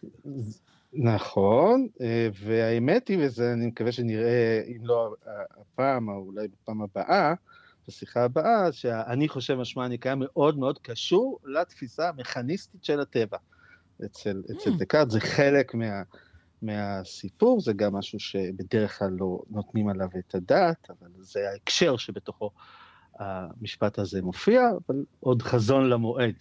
אה, היום נדבר עליו קצת באופן כללי ואיך הוא באמת אה, מגיע לתפיסה המכניסטית ובאיזה מובן. אה, אז קודם כל, נגיד שבאמת המטרה שמנחה את דקארט בכתיבה שלו, בחשיבה שלו, היא מטרה אה, להציע מתודה מדעית. באמת, אה, כן. זה המטרה שלו, כן, הוא, אני מצטט, זה מתודה, הוא מחפש אחר מתודה מיועדת לעזור לאדם להדריך היטב את שכלו ולבקש את האמת במדעים. אני אה, פותחת שנייה, אני מפריעה לך, כי זה דבר שבאמת, אה, אה, כל הספרות הפילוסופית מהתקופה הזו, המבואות והפרקים הראשונים, שבעצם תמיד מטרתם היא להבהיר לא את הרעיונות, אלא את האופן בו הגעתי לרעיון הזה, את האופן בו אני מציע לחשוב את החשיבה, הם חלק אינטגרלי מהכתבים של התקופה הזו. נכון. זה, אם את שואלת אותי, זאת המהפכה הגדולה של דקארט, קודם כל, בדיוק כן, זה. בדיוק. וזה בדיוק בא לידי ביטוי במושג מתודה. כלומר, עוד לפני שאני, שאני עושה מדע, רק אני רוצה להבין מה, מה, מהי המתודה המדעית, מה, מה עם הנחות היסוד, מה אני מחפש, מהם הכלים שברשותי בשביל לקבוע את זה, ואז נתחיל את, ה, את החקירה. עכשיו, יש לנו במאה ה-17 כמה דמויות שעושות את זה, ובאמת המושג המתודה, ומהי המתודה, זה משהו שמאוד מאוד מרכזי במאה ה-17, אבל שתי הדמויות אולי המרכזיות ביותר אה, הם אה, פרנסיס בייקון אה, ש... ורנה דקארט. וזה פחות או יותר אותה תקופה, אוקיי, זה המחצית הראשונה של המאה ה-17, כשהם פרנסיס בייקון, אנחנו נדבר עליו בעתיד, פרנסיס בייקון נותן לנו במובן מסוים את המתודה של המחקר האמפירי, האקספרימנטלי, הנסייני. אה, איך אנחנו מבצעים את החקירה האמפירית, איך אנחנו משווים בין דברים, איך אנחנו חוקרים, אה, זה מאוד מאוד חשוב, וזה אה, כמו אצל דקארט, זה משהו שמנוגד לא, לאופן שבו עשו מדע במדע הישן האריסטוטלי. אצל דקארט, יש לחשיבה המתודולוגית שלו אופי מטאפיזי, הוא בעצם נותן לנו את המטאפיזיקה המתודולוגית של, ה, של מדעי הטבע, של החשיבה המדעית, וזה גם כוחו הגדול, אבל אולי... רגע, אולי למה אתה. אומר מטאפיזיקה? או. למה? אז, זה, אז לענות על השאלה הזאת, זו, אה, זה, זה אולי יהיה ההישג ש, של, של השיחה הזאת, אני מקווה. אה, כן, כי זה, זה, זו נקודה חשובה. אה, באמת, למה, למה זה מטאפיזיקה? עכשיו, בדרך כלל, בשימוש היומיומי, הם משתמשים במונח מטאפיזיקה בשביל לומר משהו, מה שאנחנו עוסקים בדברים שהם מעל הטבע. אוקיי, כן. אז מה לזה ולחקירה אמפירית מדעית? אה, אבל בפילוסופיה, נניח להיסטוריה האטימולוגית של המונח מטאפיזיקה, אה, מטאפיזיקה, הכוונה היא לכל מה שחוקר את האובייקט, את המציאות באיזשהו אופן, שלא באופן אמפירי. כלומר, זה לאו דווקא מעל הטבע, אני יכול לחקור את הטבע או לחשוב על הטבע, להשתמש בתבונה שלי, הרבה פעמים באופן אפריורי, על ידי איזשהו שיקול אה, לוגי או שיקול אפריורי כלשהו, לחשוב על הטבע, ושלא באופן אמפירי. יש הרבה שאלות על הטבע, אוקיי? שאנחנו אה, שואלים את עצמנו וקובעים עם קביעות שהן בלתי ניתנות בכלל למבחן אמפירי, אלא הן משהו שאנחנו צריכים לברר או להניח באיזשהו אופן לפני שאנחנו מבצעים את החקירה האמפירית. ושאלת, למשל, שאלת המכניזם, האם הטבע הוא מכניסטי או טליאולוגי, זו בדיוק שאלה כזאת. זאת אומרת, אני לא יכול לבדוק במעבדה, האם, האם האובייקט של הטבע הוא טליאולוגי או, או, או מכני. זה איזושהי אה, אה, אה, הנחה שאיתה אני בא, אני מניח מראש משהו לגבי האובייקט, ועכשיו אני מבצע את, ה, את החקירה לאור, האמפירית לאור ההנחה הזאת. וההנחה הזאת היא הנחה מטאפיזית, היא שואלת, על, היא שואלת את השאלה מהו האובייקט עוד לפני שאני חוקר אותו, וזו, מבחינה זאת זה מתודולוגי כי זה מדריך את החקירה, כי הרי כבר ראינו מהיוונים, ראינו שהנתונים החושיים שיש לנו, הנתונים האמפיריים, הם מאוד מאוד עשירים. יש היבטים כמותיים והיבטים איכותיים, היבטים דינמיים, סטטיים, ריבוי, אחדות. עכשיו, איך אנחנו נעשה מדע עם כל הבלאגן הזה? למה נתייחס? נתייחס לאיכויות או לא? רק לכמויות? נעשה כימות של הדברים? ככה עושים מדע? אנחנו חייבים לשאול את עצמנו קודם, במובלע או במפורש, מהו האובייקט ומתי אה, אה, נגיע אליו. כשנדבר על הכל באופן כמותי, רק אז נגיע אליו. אפרופו, זה גם אחד הדברים שדקארט מדגיש, זה הסיפור שהאובייקט חייב להיות בעל אופי כמותי, מתמטי. זאת קביעה מטאפיזית, היא לא קביעה אמפירית, והיא קביעה שמדריכה את, אה, את, את מדעי הטבע. אז הוא עושה מטאפיזיקה. אני סתם מנסה עכשיו אם היית אומר שאולי גם חלק מהחשיבה של איינשטיין היא מטאפיזית, ולא בוודאי, פיזיקלית. בוודאי ובוודאי. אוקיי. וכל hmm. הדיונים, mm. כל הדיונים במאה, במאה ה-17, זה מאוד מאוד בולט, אצל ניוטון, לייבניץ, אחרים, הדיונים הפיזיקליים, כן, לא, זה לא רק שהם עושים פילוסופיה ושואלים מהו האובייקט, יש המון המון דיונים על טיבו של החלל, אפרופו איינשטיין, טיבו של החלל והזמן, על מה זה כוח, מה, מה, זה נוס, מה הנוסחה המתמטית שאיתה אנחנו אה, אה, מסבירים מהו כוח, מה זה מסה וכולי וכולי, מה זה, אה, אה, הדיונים הם דיונים אה, אה, מטאפיזיים, אוקיי? ברמה זו, או אחרת, וזה מאוד מאוד בולט, ובהחלט אה, אה, גם לאיינשטיין יש את המטאפיזיקה שלו, והוא גם מתבטא באופן מפורש ככה. אי אפשר להתעלם מהמטאפיזיקה ש, שנמצאת שם כל הזמן במדעי הטבע, ו... אני אתן, אני אתן לגולשים בעמוד הפייסבוק שלנו לטרוף אותך אחר כך, בסדר. נכון. אה, נכון. אנחנו, אבל, זה, אבל, זה, אבל זה, נושא, זה נושא שצריך ל, ל, ל, לדבר אליו. אז, אז אה, איך אנחנו מבחינת הזמן? כי אני רוצה להעיר עוד איזה משהו על הדבר הזה. יש לך עוד שתי דקות להערה. כן. אוקיי, אז, אז, אז קודם כל נגיד שבאמת דקארט יראה לנו שיקול אה, מטאפיזי, שיקול פילוסופי, שמסביר למה האובייקט האמפירי חייב להיות אוקיי, משהו שאפשר להבין אותו רק באופן מכניסטי ורק באופן מתמטי, זה יהיה שיקול מטאפיזי, אבל אני גם אעיר שזה אחד מהכוח, מהגורמים לכוח ההשפעה הרב של דקארט על, על המאה ה-17, זה בדיוק בגלל שאל מול המדע הישן האריסטוטלי, הוא לא רק מציג איזשהו מידע אמפירי כלשהו, אוקיי? איזה תפיסה שונה של, של מי סובב את מי, כדור הארץ, את השמש, או ש... עם זה למשל הכנסייה, למשל, הייתה יכולה להתמודד. הוא ממש משנה את האופן שבו חושבים בכלל על אובייקטים. בין השאר גם על מושגים כמו אלוהים והנפש וכולי וכולי. הכוח הגדול זה, יש פה סדר יום חדש, טוטאלי, של איך בכלל חושבים את מושג המציאות, וצריך להבין אז בזה נ, נ, נ, נסיים וניתן לזה קצת יותר בשר בפרקים הבאים, אוקיי? שה, שהמאה ה-17 היא לא רק, והמהפכה המדעית היא לא רק אה, שיש תגליות חדשות ותפיסות אמפיריות חדשות, היא אפילו לא רק המדען, הניסויים שנכנסים פנימה אל הסיפור, אלא היא מספרת אחרת ברמה המטאפיזית, כפי שהגדרנו זה אותה. זה כמעט ההפך, יש גם את המדען בשטח וגם את, את הבן אדם ש, שיושב ב, ב, בחלוק ליד התנור ו, ורק חושב על הדברים. נכון, שזה דימוי ממש מאפיין אפרופו את איינשטיין, אוקיי? של המדען הזה פשוט יושב לו וחושב לו ליד התנור, וגם משהו שבא ממש מדקארט. כן, אוקיי, כן, הוא מתאר את זה לדעתי, או שהוא לפחות נכון, בדמיוני, אני זוכרת שהוא מתאר את הישיבה לא, הזאת. לא, לא, לא בדמיונך, זה אכן כך. אה, וזה לפחות, ודאי שזה כך מנקודת המבט של דקארט והאלמנט המטאפיזי הזה, אה, ואחרים במאה ה-17, ונראה את זה ביתר אה, פירוט ב, ב, ב, בפעמים הבאות. כן, נקבע במדעים, דבר מה מוצק וקיים למען השם. אמ, אני מודה לך, או, אני מודה לך מאוד. כן. נתי קופפר, מהאוניברסיטה העברית, תודה רבה. יאללה, ביי.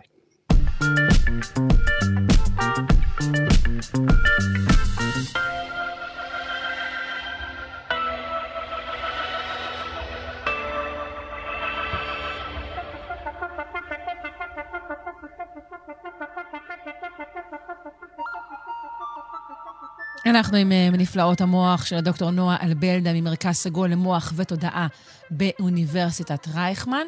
ואנחנו רוצים היום אה, להיכנס אל תוך אה, שדה הקרב המסוכן של התודעה, של תחום חקר התודעה.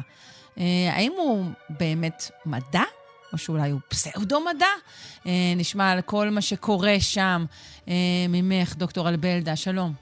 שלום, בוקר טוב. בוקר אור.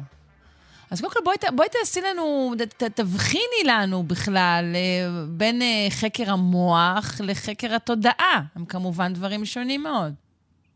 כן, אז, זה באמת איזשהו חיבור מעניין, ואני אגיד שבעצם עד אה, נגיד תחילת שנות ה-90, חוקרי מוח לא התעסקו עם השאלה של תודעה. אני רק אגיד, כן, באנגלית אנחנו מדברים על המונח consciousness, אה, וזה מונח שקצת קשה להגדיר אותו, נכון? אם הייתי שואלת אותך, אה, שרון, מה זה תודעה? אז, אז מה היית אומרת לי? Uh, זהו, השאלה אם אנחנו מדברים על מודעות, על הכרה, על זרם המחשבות, שברגע יצאנו מפינה שניסינו לנגוס טיפה בדקארט, שבדיוק עסק, בש, אפשר להגיד, בשאלה הזו ממש, אבל אני, אני לא יודעת, השאלה אם, כשאת אומרת consciousness, אני הייתי אולי אומרת הכרה ולא תודעה. אז זהו, אז, אז התשובה שלך ככה משקפת את המורכבות של הנושא, כי בראש ובראשונה, consciousness, האם זו תודעה, מודעות, זה, זה משהו ש... זאת אומרת, זה משהו שכולנו יודעים שיש לנו, אבל מאוד קשה לנו להגדיר אותו. ברגע שקשה להגדיר כלומר, משהו... כלומר, השאלה אם זה מודעות להיותי חי, מודעות להיותי מת, אה, כלומר, להיותי מת בעתיד, אה, מודעות לעצם העובדה שאני חושב, כלומר, זה מין מוד, עוד, מודעות, עוד שכבה כן. כזו של הקיום. Mm-hmm. כן, גם מודעות לסביבה ולגירויים חושיים, תחושת העצמי שלי. אז רגע, אין כאן אמרת לא- משהו חשוב, זאת אומרת, זה לא, כלומר, זה לא הגירויים החושיים עצמם והפירוש שלהם, שזה אנחנו נוטים, נגיד, לייחס לבעלי חיים, נכון? ש- שומעים ואז מגיבים, אלא המודעות לכך שזה מה שקורה. נכון, היכולת נכון? שלי אוקיי. לדווח על זה. כן, עכשיו, כן. יכול להיות שדרך אגב זה קיים גם אצל בעלי חיים, פשוט אנחנו לא מדברים בשפה שלהם, אז זה קשה לדעת. או, כאן את בגדול- קושרת כבר את, ה, את התחום הזה לשפה. קישור חשוב נכון. מאוד. נכון, שפה או תקשורת באופן כללי. בקיצור, זה, זאת שאלה מורכבת של מה זה בדיוק הדבר הזה שנקרא תודעה, מודעות, הכרה. ועד תחילת שנות ה-90 זה היה משהו שהיה שמור יותר לעולמות הפילוסופיה, הפסיכולוגיה. חוקרי מוח לא כך העזו להתעסק עם תפוח האדמה הלוהט הזה. אה, ואז בתחילת שנות ה-90, כשהופיעו בעצם אה, כלי מחקר מתוחכמים כמו ה-FMRI, שמאפשר לנו להסתכל על פעילות מוחית אנושית בזמן אמת, לאט לאט אה, חוקרי מוח העיזו והתחילו להיכנס לתחום הזה, והם אמרו, תראו, הסיפור הזה של consciousness, של, אני אקרא לזה מודעות לצורך השיחה שלנו, זה חלק מאוד מהותי מהחוויה האנושית, וזה משהו שאנחנו רוצים להבין אותו. ואז התחילו להופיע כל מיני תיאוריות, והתיאוריות האלה בעצם מתייחסות לרמות שונות של מודעות. יש את המודעות, נקרא לזה היותר uh, פשוטה, שזה מה שאמרתי, זה למשל היכולת שלי לדווח על גירוי חושי שנחשפתי אליו. בסדר, הראת לי תמונה, ואני יכולה לספר לך שראיתי את התמונה. Um, היכולת שלי להפנות קשב לכל מיני דברים בסביבה. בסדר, דברים מאוד uh, בסיסיים. ועד לרמות יותר גבוהות, שבעצם מדברות יותר על ה, אולי על העולם הפנימי שלנו, שזה באמת ה, היכולת שלי להרגיש שיש לי איזושהי תפיסת עצמי, היכולת שלי אה, להרגיש שיש פה בפנים איזושהי אישיות שהיא עצמאית והיא מתנהלת בעולם והיא נותנת פרשנות לכל הדברים שמסביבה. כן. והשינוי הזה שאת מתארת אותו בשנות ה-90, הוא כרוך יד ביד עם אה, השיפור בכל הנושא של סריקות מוח, נכון? אנחנו יכולים בעצם עכשיו לראות את התגובות השונות שיש במוח לגירויים שונים, גם, גם אפשר להגיד ל- לרמיות, לטריקים, הרבה דברים אפשר לבדוק. נכון, כי בעצם מה שקורה זה שאת עכשיו יכולה לחבר בין רמת הביולוגיה, בסדר, את מסתכלת על המוח ואת עוקבת אחרי פעילות של נוירונים וסינפסות, ואת יכולה לחבר את זה לרמה הפסיכולוגית או לרמה של העולם הפנימי, כי הבן אדם ששוכב שם ב-FMRI הוא כמובן ער, ואת יכולה לתת לו לעשות כל מיני מטלות, את יכולה לדבר איתו, את יכולה להגיד לו, סתם, תשכב פה חצי שעה ותן למחשבות שלך לנדוד, כן? אז, אז פה אנחנו מתחילים לחבר בין הרמה של המוח לרמה של התודעה, או בין הרמה של הביולוגיה לרמה של הפסיכולוגיה, ואני רק אגיד שמהמבט המחקרי, יש הסכמה שתודעה זה תוצר של פעילות מוחית, כי יכול להיות שיהיו אנשים שיגידו לך, לא, תודעה זה בכלל לא משהו שקשור לביולוגיה, זה, זה משהו שהוא... משהו רוחני. מחוץ כן. לביולוגיה, והוא ימשיך מהמם. להתקיים אה, גם אחרי שאנחנו נמות וכולי. אז, אז אני אגיד שאנחנו פה יוצאים מנקודת הנחה שהמוח הוא זה שאחראי לדבר הזה שאנחנו קוראים לו תודעה או מודעות. כן, התפיסה הזו היא לא לתוכניתנו ובטח לא לפינתנו. אנחנו כן. מנסים לעגן את הדברים באמת בביולוגיה, אבל לפחות על זה אנחנו מדברים. נכון, זה מה שנקרא התפיסה המוניסטית, מהמילה מונו, אחד, שיש חיבור כן. בין אה, גוף לתודעה, או מוח לתודעה. אה, וזהו, ואז אז, באמת... אז אחרי- כרגע, איפה, איפה הוויכוח הגדול נמצא? כי, כי יש ויכוח. אז תראי, זה, זה נורא נורא מעניין. יש בעצם משהו כמו שלוש או ארבע תיאוריות בולטות שמנסות להסביר מאיפה בא הדבר הזה שנקרא תודעה או מודעות. אני לא אכנס לכ- לכל אחת מהתיאוריות האלה, כי זה באמת תיאוריות מאוד מורכבות, אבל מה שמאוד מעניין זה לא רק התחום המחקרי, אלא גם התהליך, איך התחום הזה הולך ומתבגר, ואני אסביר. במשך הרבה שנים החוקרים האלה היו ממש יריבים. זאת אומרת, כל אחד מתבצר בעמדה שלו, אומר, התיאוריה שלי היא התיאוריה הנכונה, ועושים ניסויים שמחזקים את הדברים שאני מאמין בהם. וככה בשנים האחרונות הבינו שזאת לא גישה כל כך אה, פרודוקטיבית. ו... אה, היא לא פרודוקטיבית בגלל שהיא כוללת את הנחת המבוקש, כמו שרמזת? ג- גם בגלל שיש הרבה עוינות בין, בין החוקרים, וזה לא טוב, Mm. וגם בגלל שזה באמת אה, לא ככה המדע אמור להתנהל. מדע אמור להיות פתוח וחוקר ומוכן להשתנות, ואם כל אחד אומר, לא, התיאוריה שלי היא האמת האחת והיחידה, ו- וכל הניסויים שאני עושה מחזקים את התיאוריה שלי, אז, אז אנחנו לא מתקדמים לשום מקום. אמ, ואז בעצם לפני כמה שנים, לא הרבה יותר מדי שנים, אה, הייתה איזושהי ועידה גדולה בין אה, חוקרי תודעה מובילים בעולם, ביניהם דרך אגב גם אה, פרופסור ליעד מודריק מאוניברסיטת תל אביב, אמ, והם החליטו אמ, לשתף, לעשות שיתוף פעולה ולתכנן שני ניסויים שאמורים להעמיד את התיאוריות אחת מול השנייה. ולפי התוצאות של הניסויים אפשר יהיה להגיד התיאוריה הזאת יותר חזקה, התיאוריה הזאת אה, יותר חלשה. ובאמת, אה, אחד מהניסויים האלה כבר אה, בוצע והתוצאות שלו התפרסמו. תארי לנו את הניסוי. איך הניסוי הזה יכול לעזור לנו לקבוע מהי תודעה, היכן היא נמצאת במוח? זהו, אז אני אגיד שזה... רגע, יש פה מטוס שעובר מעליי, אני אחכה רגע תמיד יש מטוס. תמיד, תמיד, כן. אוקיי. אז הניסוי הזה היה ניסוי בסיסי יחסית, לקחו אנשים, הכניסו אותם לתוך ה-FMRI, הראו להם תמונות, והם היו צריכים uh, לדווח ברגע שהתמונות האלה הגיעו למודעות שלהם. וזה אומר שאנחנו פה עדיין ברמה מאוד uh, בסיסית של uh, תודעה. אנחנו ממש מסתכלים על, פה על תודעה מהמקום של היכולת שלי לדווח על משהו שקלטתי בחושים שלי. מה זאת אומרת? להגיד, כן, עכשיו ראיתי תמונה? זה היה... זהו הניסוי? בגדול זה היה קצת יותר מתוחכם, אבל בגדול okay. אוקיי. זה, זה, זה העניין הבסיסי שבודקים, כן? זה, הם בודקים תודעה מהמקום של awareness, כן? היכולת שלי באמת להגיד, הנה, יש גירוי, אני מודעת עליו, אני יכולה לספר עליו וכולי. מה שהיה חשוב פה זה שמבחינת התיאוריות, היית אמורה לראות פעילות מוחית שונה. תיאוריה אחת מנבאת אה, יותר פעילות מוחית בחלקים הקדמיים של המוח, תיאוריה אחרת מנבאת פעילות מוחית בחלקים האחוריים יותר של המוח. והתוצאות אה, לא היו חד משמעיות. אה, זאת אומרת, התקבלו תוצאות שיכולות במידה מסוימת לחזק את שתי התיאוריות, ושם פחות או יותר אנחנו עומדים היום. כמו שאמרתי, יש עוד ניסוי מתוכנן, הוא יתבצע, אבל עוד לא פרסמו את התוצאות שלו. וכרגע... אנחנו יודעים איזה סוג של ניסוי זה יהיה? זה יהיה דומה לניסוי הקודם? זה יהיה משהו, משהו דומה, הפעם זה לא יהיה תמונות, אלא הנבדקים אה, ישחקו משחק מחשב ויבדקו את היכולת שלהם אה, להיות מודעים לכל מיני דברים שעולים ברקע אה, תוך כדי המשחק.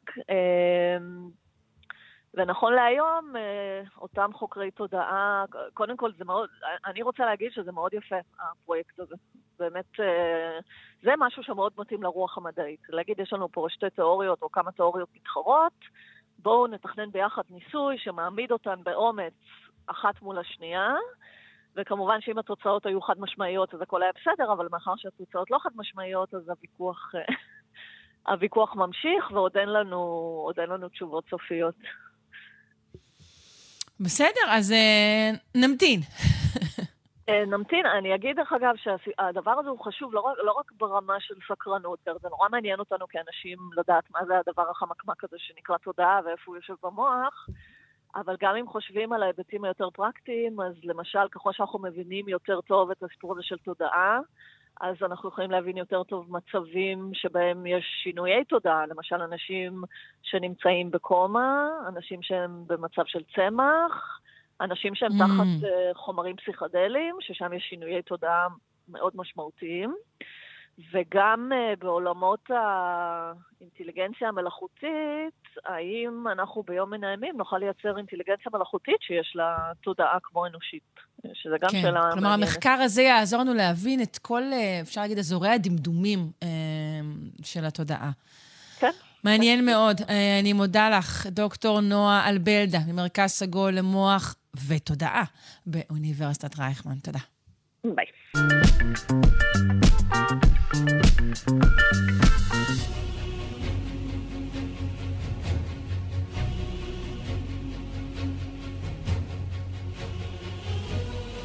אנחנו עם פינת ההיסטוריה של דוקטור אורי אמיתי, מבית הספר ללימודים אזוריים והיסטוריים באוניברסיטת חיפה. שלום.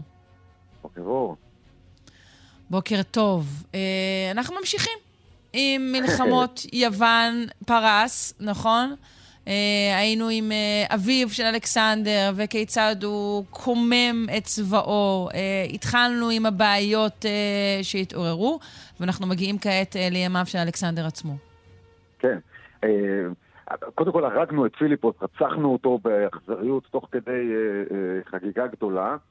וכשהחדשות האלה מתפשטות, אלכסנדר הוא בן 20, כן? השנה היא 336 לפני הספירה, אלכסנדר בן 20, והדיבור ב, גם ביוון הדרומית וגם ברחבי הבלקן זה יש מלך חדש צעיר, אה, אפשר לפרוק את העול המוקדוני עכשיו מעלינו. כולם mm. מתחילים להתמרד בבת אחת.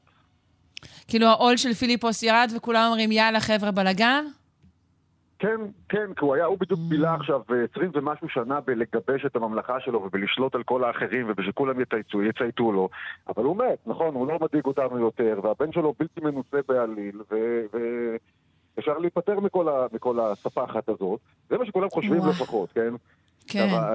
חבר היועצים סביב אלכסנדר אומרים לו, שמע, בוא, בוא נעשה, ניקח את הזמן, בוא נעשה הערכת מצב, סיכונים, חישובים, כל מיני דברים כאלה, מה שווה לנו, מה שווה לא שווה לנו.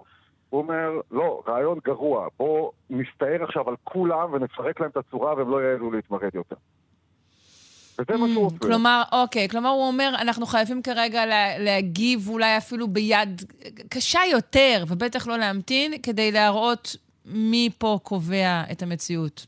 לא אתם, בדיוק, אני. בדיוק ככה, okay. אוקיי. בדיוק. והוא גם מגיב, זאת אומרת, התגובה הזאת זה גם מול החבר היועצים שלו, שרובם, כל הבכירים הם, הם אנשים של אבא שלו, כן? זה אנשים בגיל כן, כן. של אבא שלו. והוא צריך להראות להם, והוא גם צריך להראות לכולם, הוא צריך להראות לכל העולם, כי דיברנו על זה, הוא, יש לו משימה בחיים, וזה להראות לכל העולם.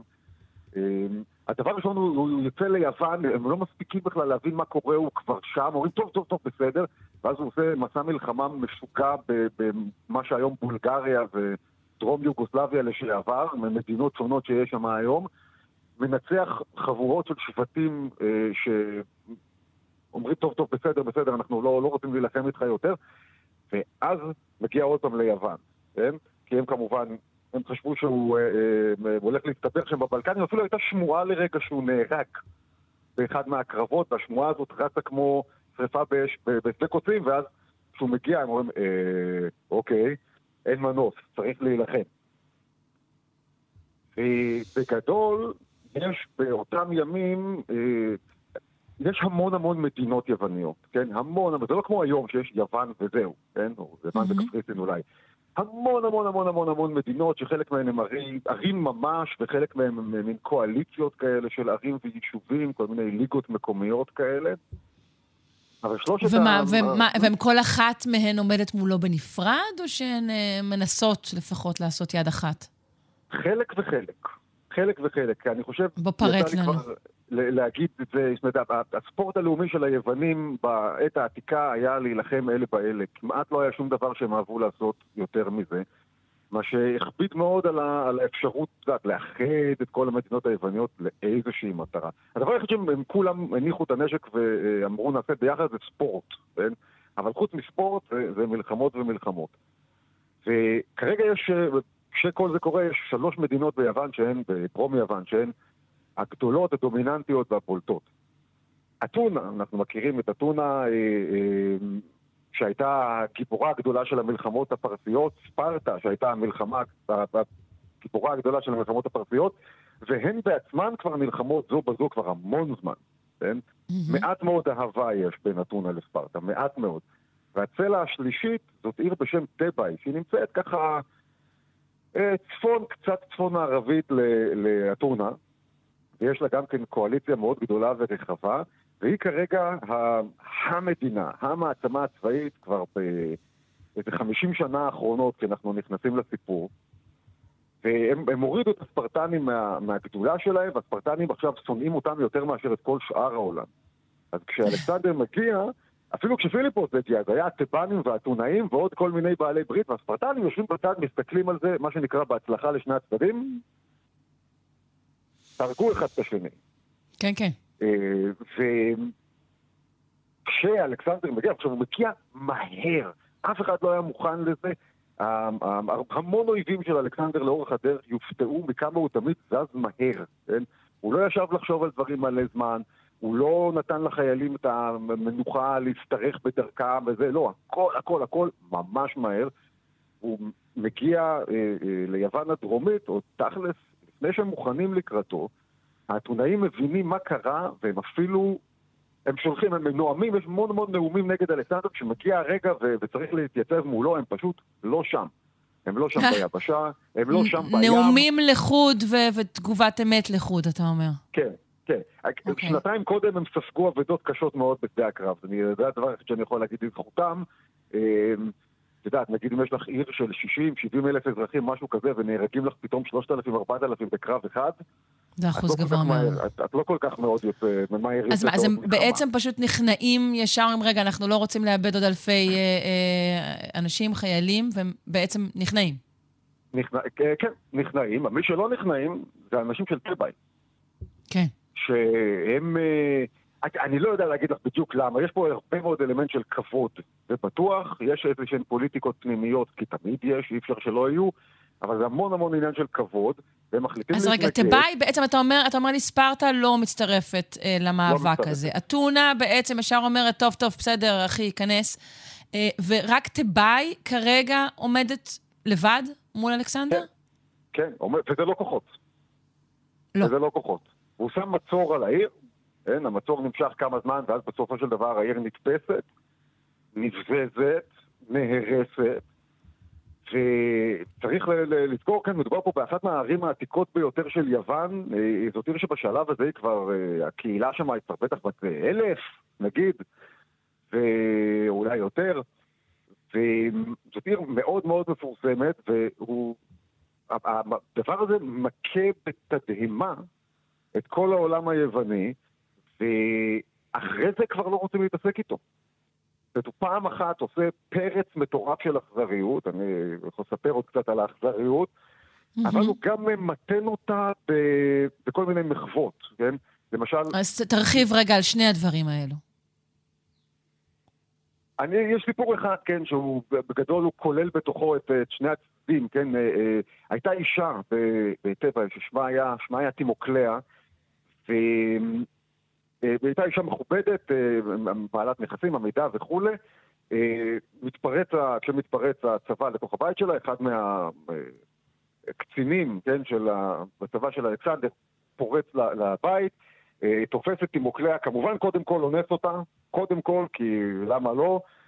ואז זה גם קצת אולי מרביץ לה, ואז שואל אותה איפה הכסף. הוא רוצה לקחת את כל הכסף, הוא רואה שזה בית עמיד מאוד, ומסתכלת עליו ואומרת לו, אה, אני, אני אראה לך איפה הכסף, מיד לפני שהגעתם יש באר בחצר ואני זרקתי לשם את כל כלי הזהב והכסף שלי.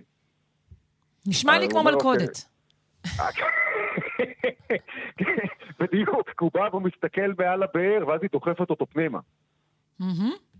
עכשיו, בדיוק ש- שאני הייתי עושה, כן. אז את רואה, עד, עד כאן, ה- אז זה מעניין לשאול מה היית עושה, כי בשלב הבא מביאים אותה בפני אלכסנדר בעצמו אה, ל- ל- לתת את הדין על דבריה, על מה שהיא עשתה. אוי, לא. כן. גם מה היית עושה? זאת השאלה. נורא מלחיץ, נו. אז היא מול. אלכסנדר. אה, היא עשתה כן. את הדבר הנכון, היא עשתה את הדבר הנכון, וזה לעמוד זקוף, להסתכל לו בעיניים ולדבר כאילו היא לא מפחדת ממנו. לא יודע מה היה לה בפנים, אין לי מושג מה היה לה בפנים, אבל בחוץ היא הוציאה את ה... את ה היא אמרה לו מה קרה, ואמרה כאילו לא... אתה אומר, זה הדבר הנכון כי זה תואם את ה- את ה- את ה- את האופי של של אלכסנדר, כלומר, זה מה שהוא אוהב אה, לראות. זה מה שהוא אוהב. עכשיו, זה, זה הפעם, זה הסיפור הראשון מהסוג הזה, אבל יש עוד הרבה סיפורים כאלה אחר כך, שאם הוא כבר ניצח מישהו, ואם המישהו הזה נלחם בכבוד, כן? בלי כל מיני תכסיסים עלובים וניסיונות התנגשות ודברים כאלה, נלחם בכבוד והפסיד, ועדיין שומר על הגאווה שלו, ועדיין שומר על, ה, על העמוד שדרה זקוף, אלכסנדר סאקר לדברים האלה. הוא נורא אוהב את זה. עכשיו, תימוקלאה, הוא, על זה הוא, הוא משחרר אותה, מחזיר לה את כל הרכוש שלה ושולח אותה לדרכה. לעיר החרבה שלה, שחצי מהאוכלוסייה בה עכשיו נמכרים לעבדות או נהרגים, כן? אוקיי, הוא חונן. אותה בגלל, בגלל הכבוד שבו היא התייחסה אה, כן. לסיפור הזה. אה, כן. אוקיי, תגיד, יש, יש, אנחנו דיברנו על חורבן תבאי ויש לפנינו עוד דקת שיחה. האם יש קשר בין חורבן תבאי לבין, אה, לפחות השמועות, אה, על האלכוהוליזם אה, שליווה את אלכסנדר בשארית חייו? זו, זו שאלה מצוינת. אה, מי שעוד נולד בעיר תבאי זה האל דיוניסוס, שהוא בין השאר אל היין. Mm, נכון. ובמשך כל חייו, אלכסנדר, שאלכסנדר היה שתיין כבד, ממש כבד. שזה גם הגיוני, כאילו, אתה הורג כל כך הרבה אנשים עם הידיים, אתה צריך משהו לעשות בשביל להפיג את הזוועה. אה, ולאורך חייו הוא התחיל לפתח מין תיאוריה כזאת שהאלכוהוליזם הכבד שלו הוא הנקמה של דיוניסוס על זה שהוא החריב את תבאי. אה. עכשיו, שתחשבי על זה תירוץ מעולה. אני, אני לא, מכור להרואין, זה לא אשמתי, זה פעם החרבתי איזה עיר ו... אה, בסדר, זה יפה, אבל זה כאילו, זה דיבור סימבולי, בסך הכל, אבל הוא כן, יש בו משהו מאוד מאוד אמיתי. זה, יש בזה משהו יפה, דווקא כן, בהטלה הזו. מכל מה שאני הבנתי על אלכסנדר, הוא ממש האמין בדברים האלה. הוא היה אדם מאמין. הסמלים uh, רודפים אותנו גם כשאנחנו לא אנשים uh, מאמינים, uh, זו דעתי. אני מודה לך בשלב זה, דוקטור אורי אמיתי, בית הספר ללימודים אזוריים והיסטוריים באוניברסיטת חיפה. אנחנו נמשיך בשבוע הבא, תודה רבה. להתראות.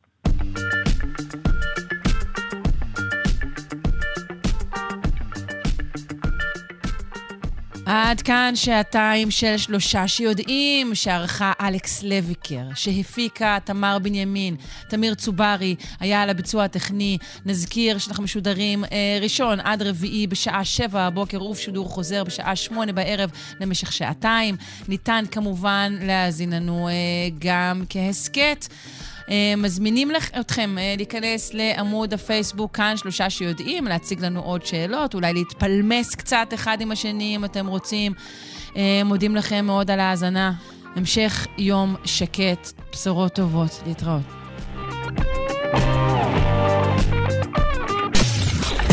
אתן מאזינות ואתם מאזינים לכאן הסכתים.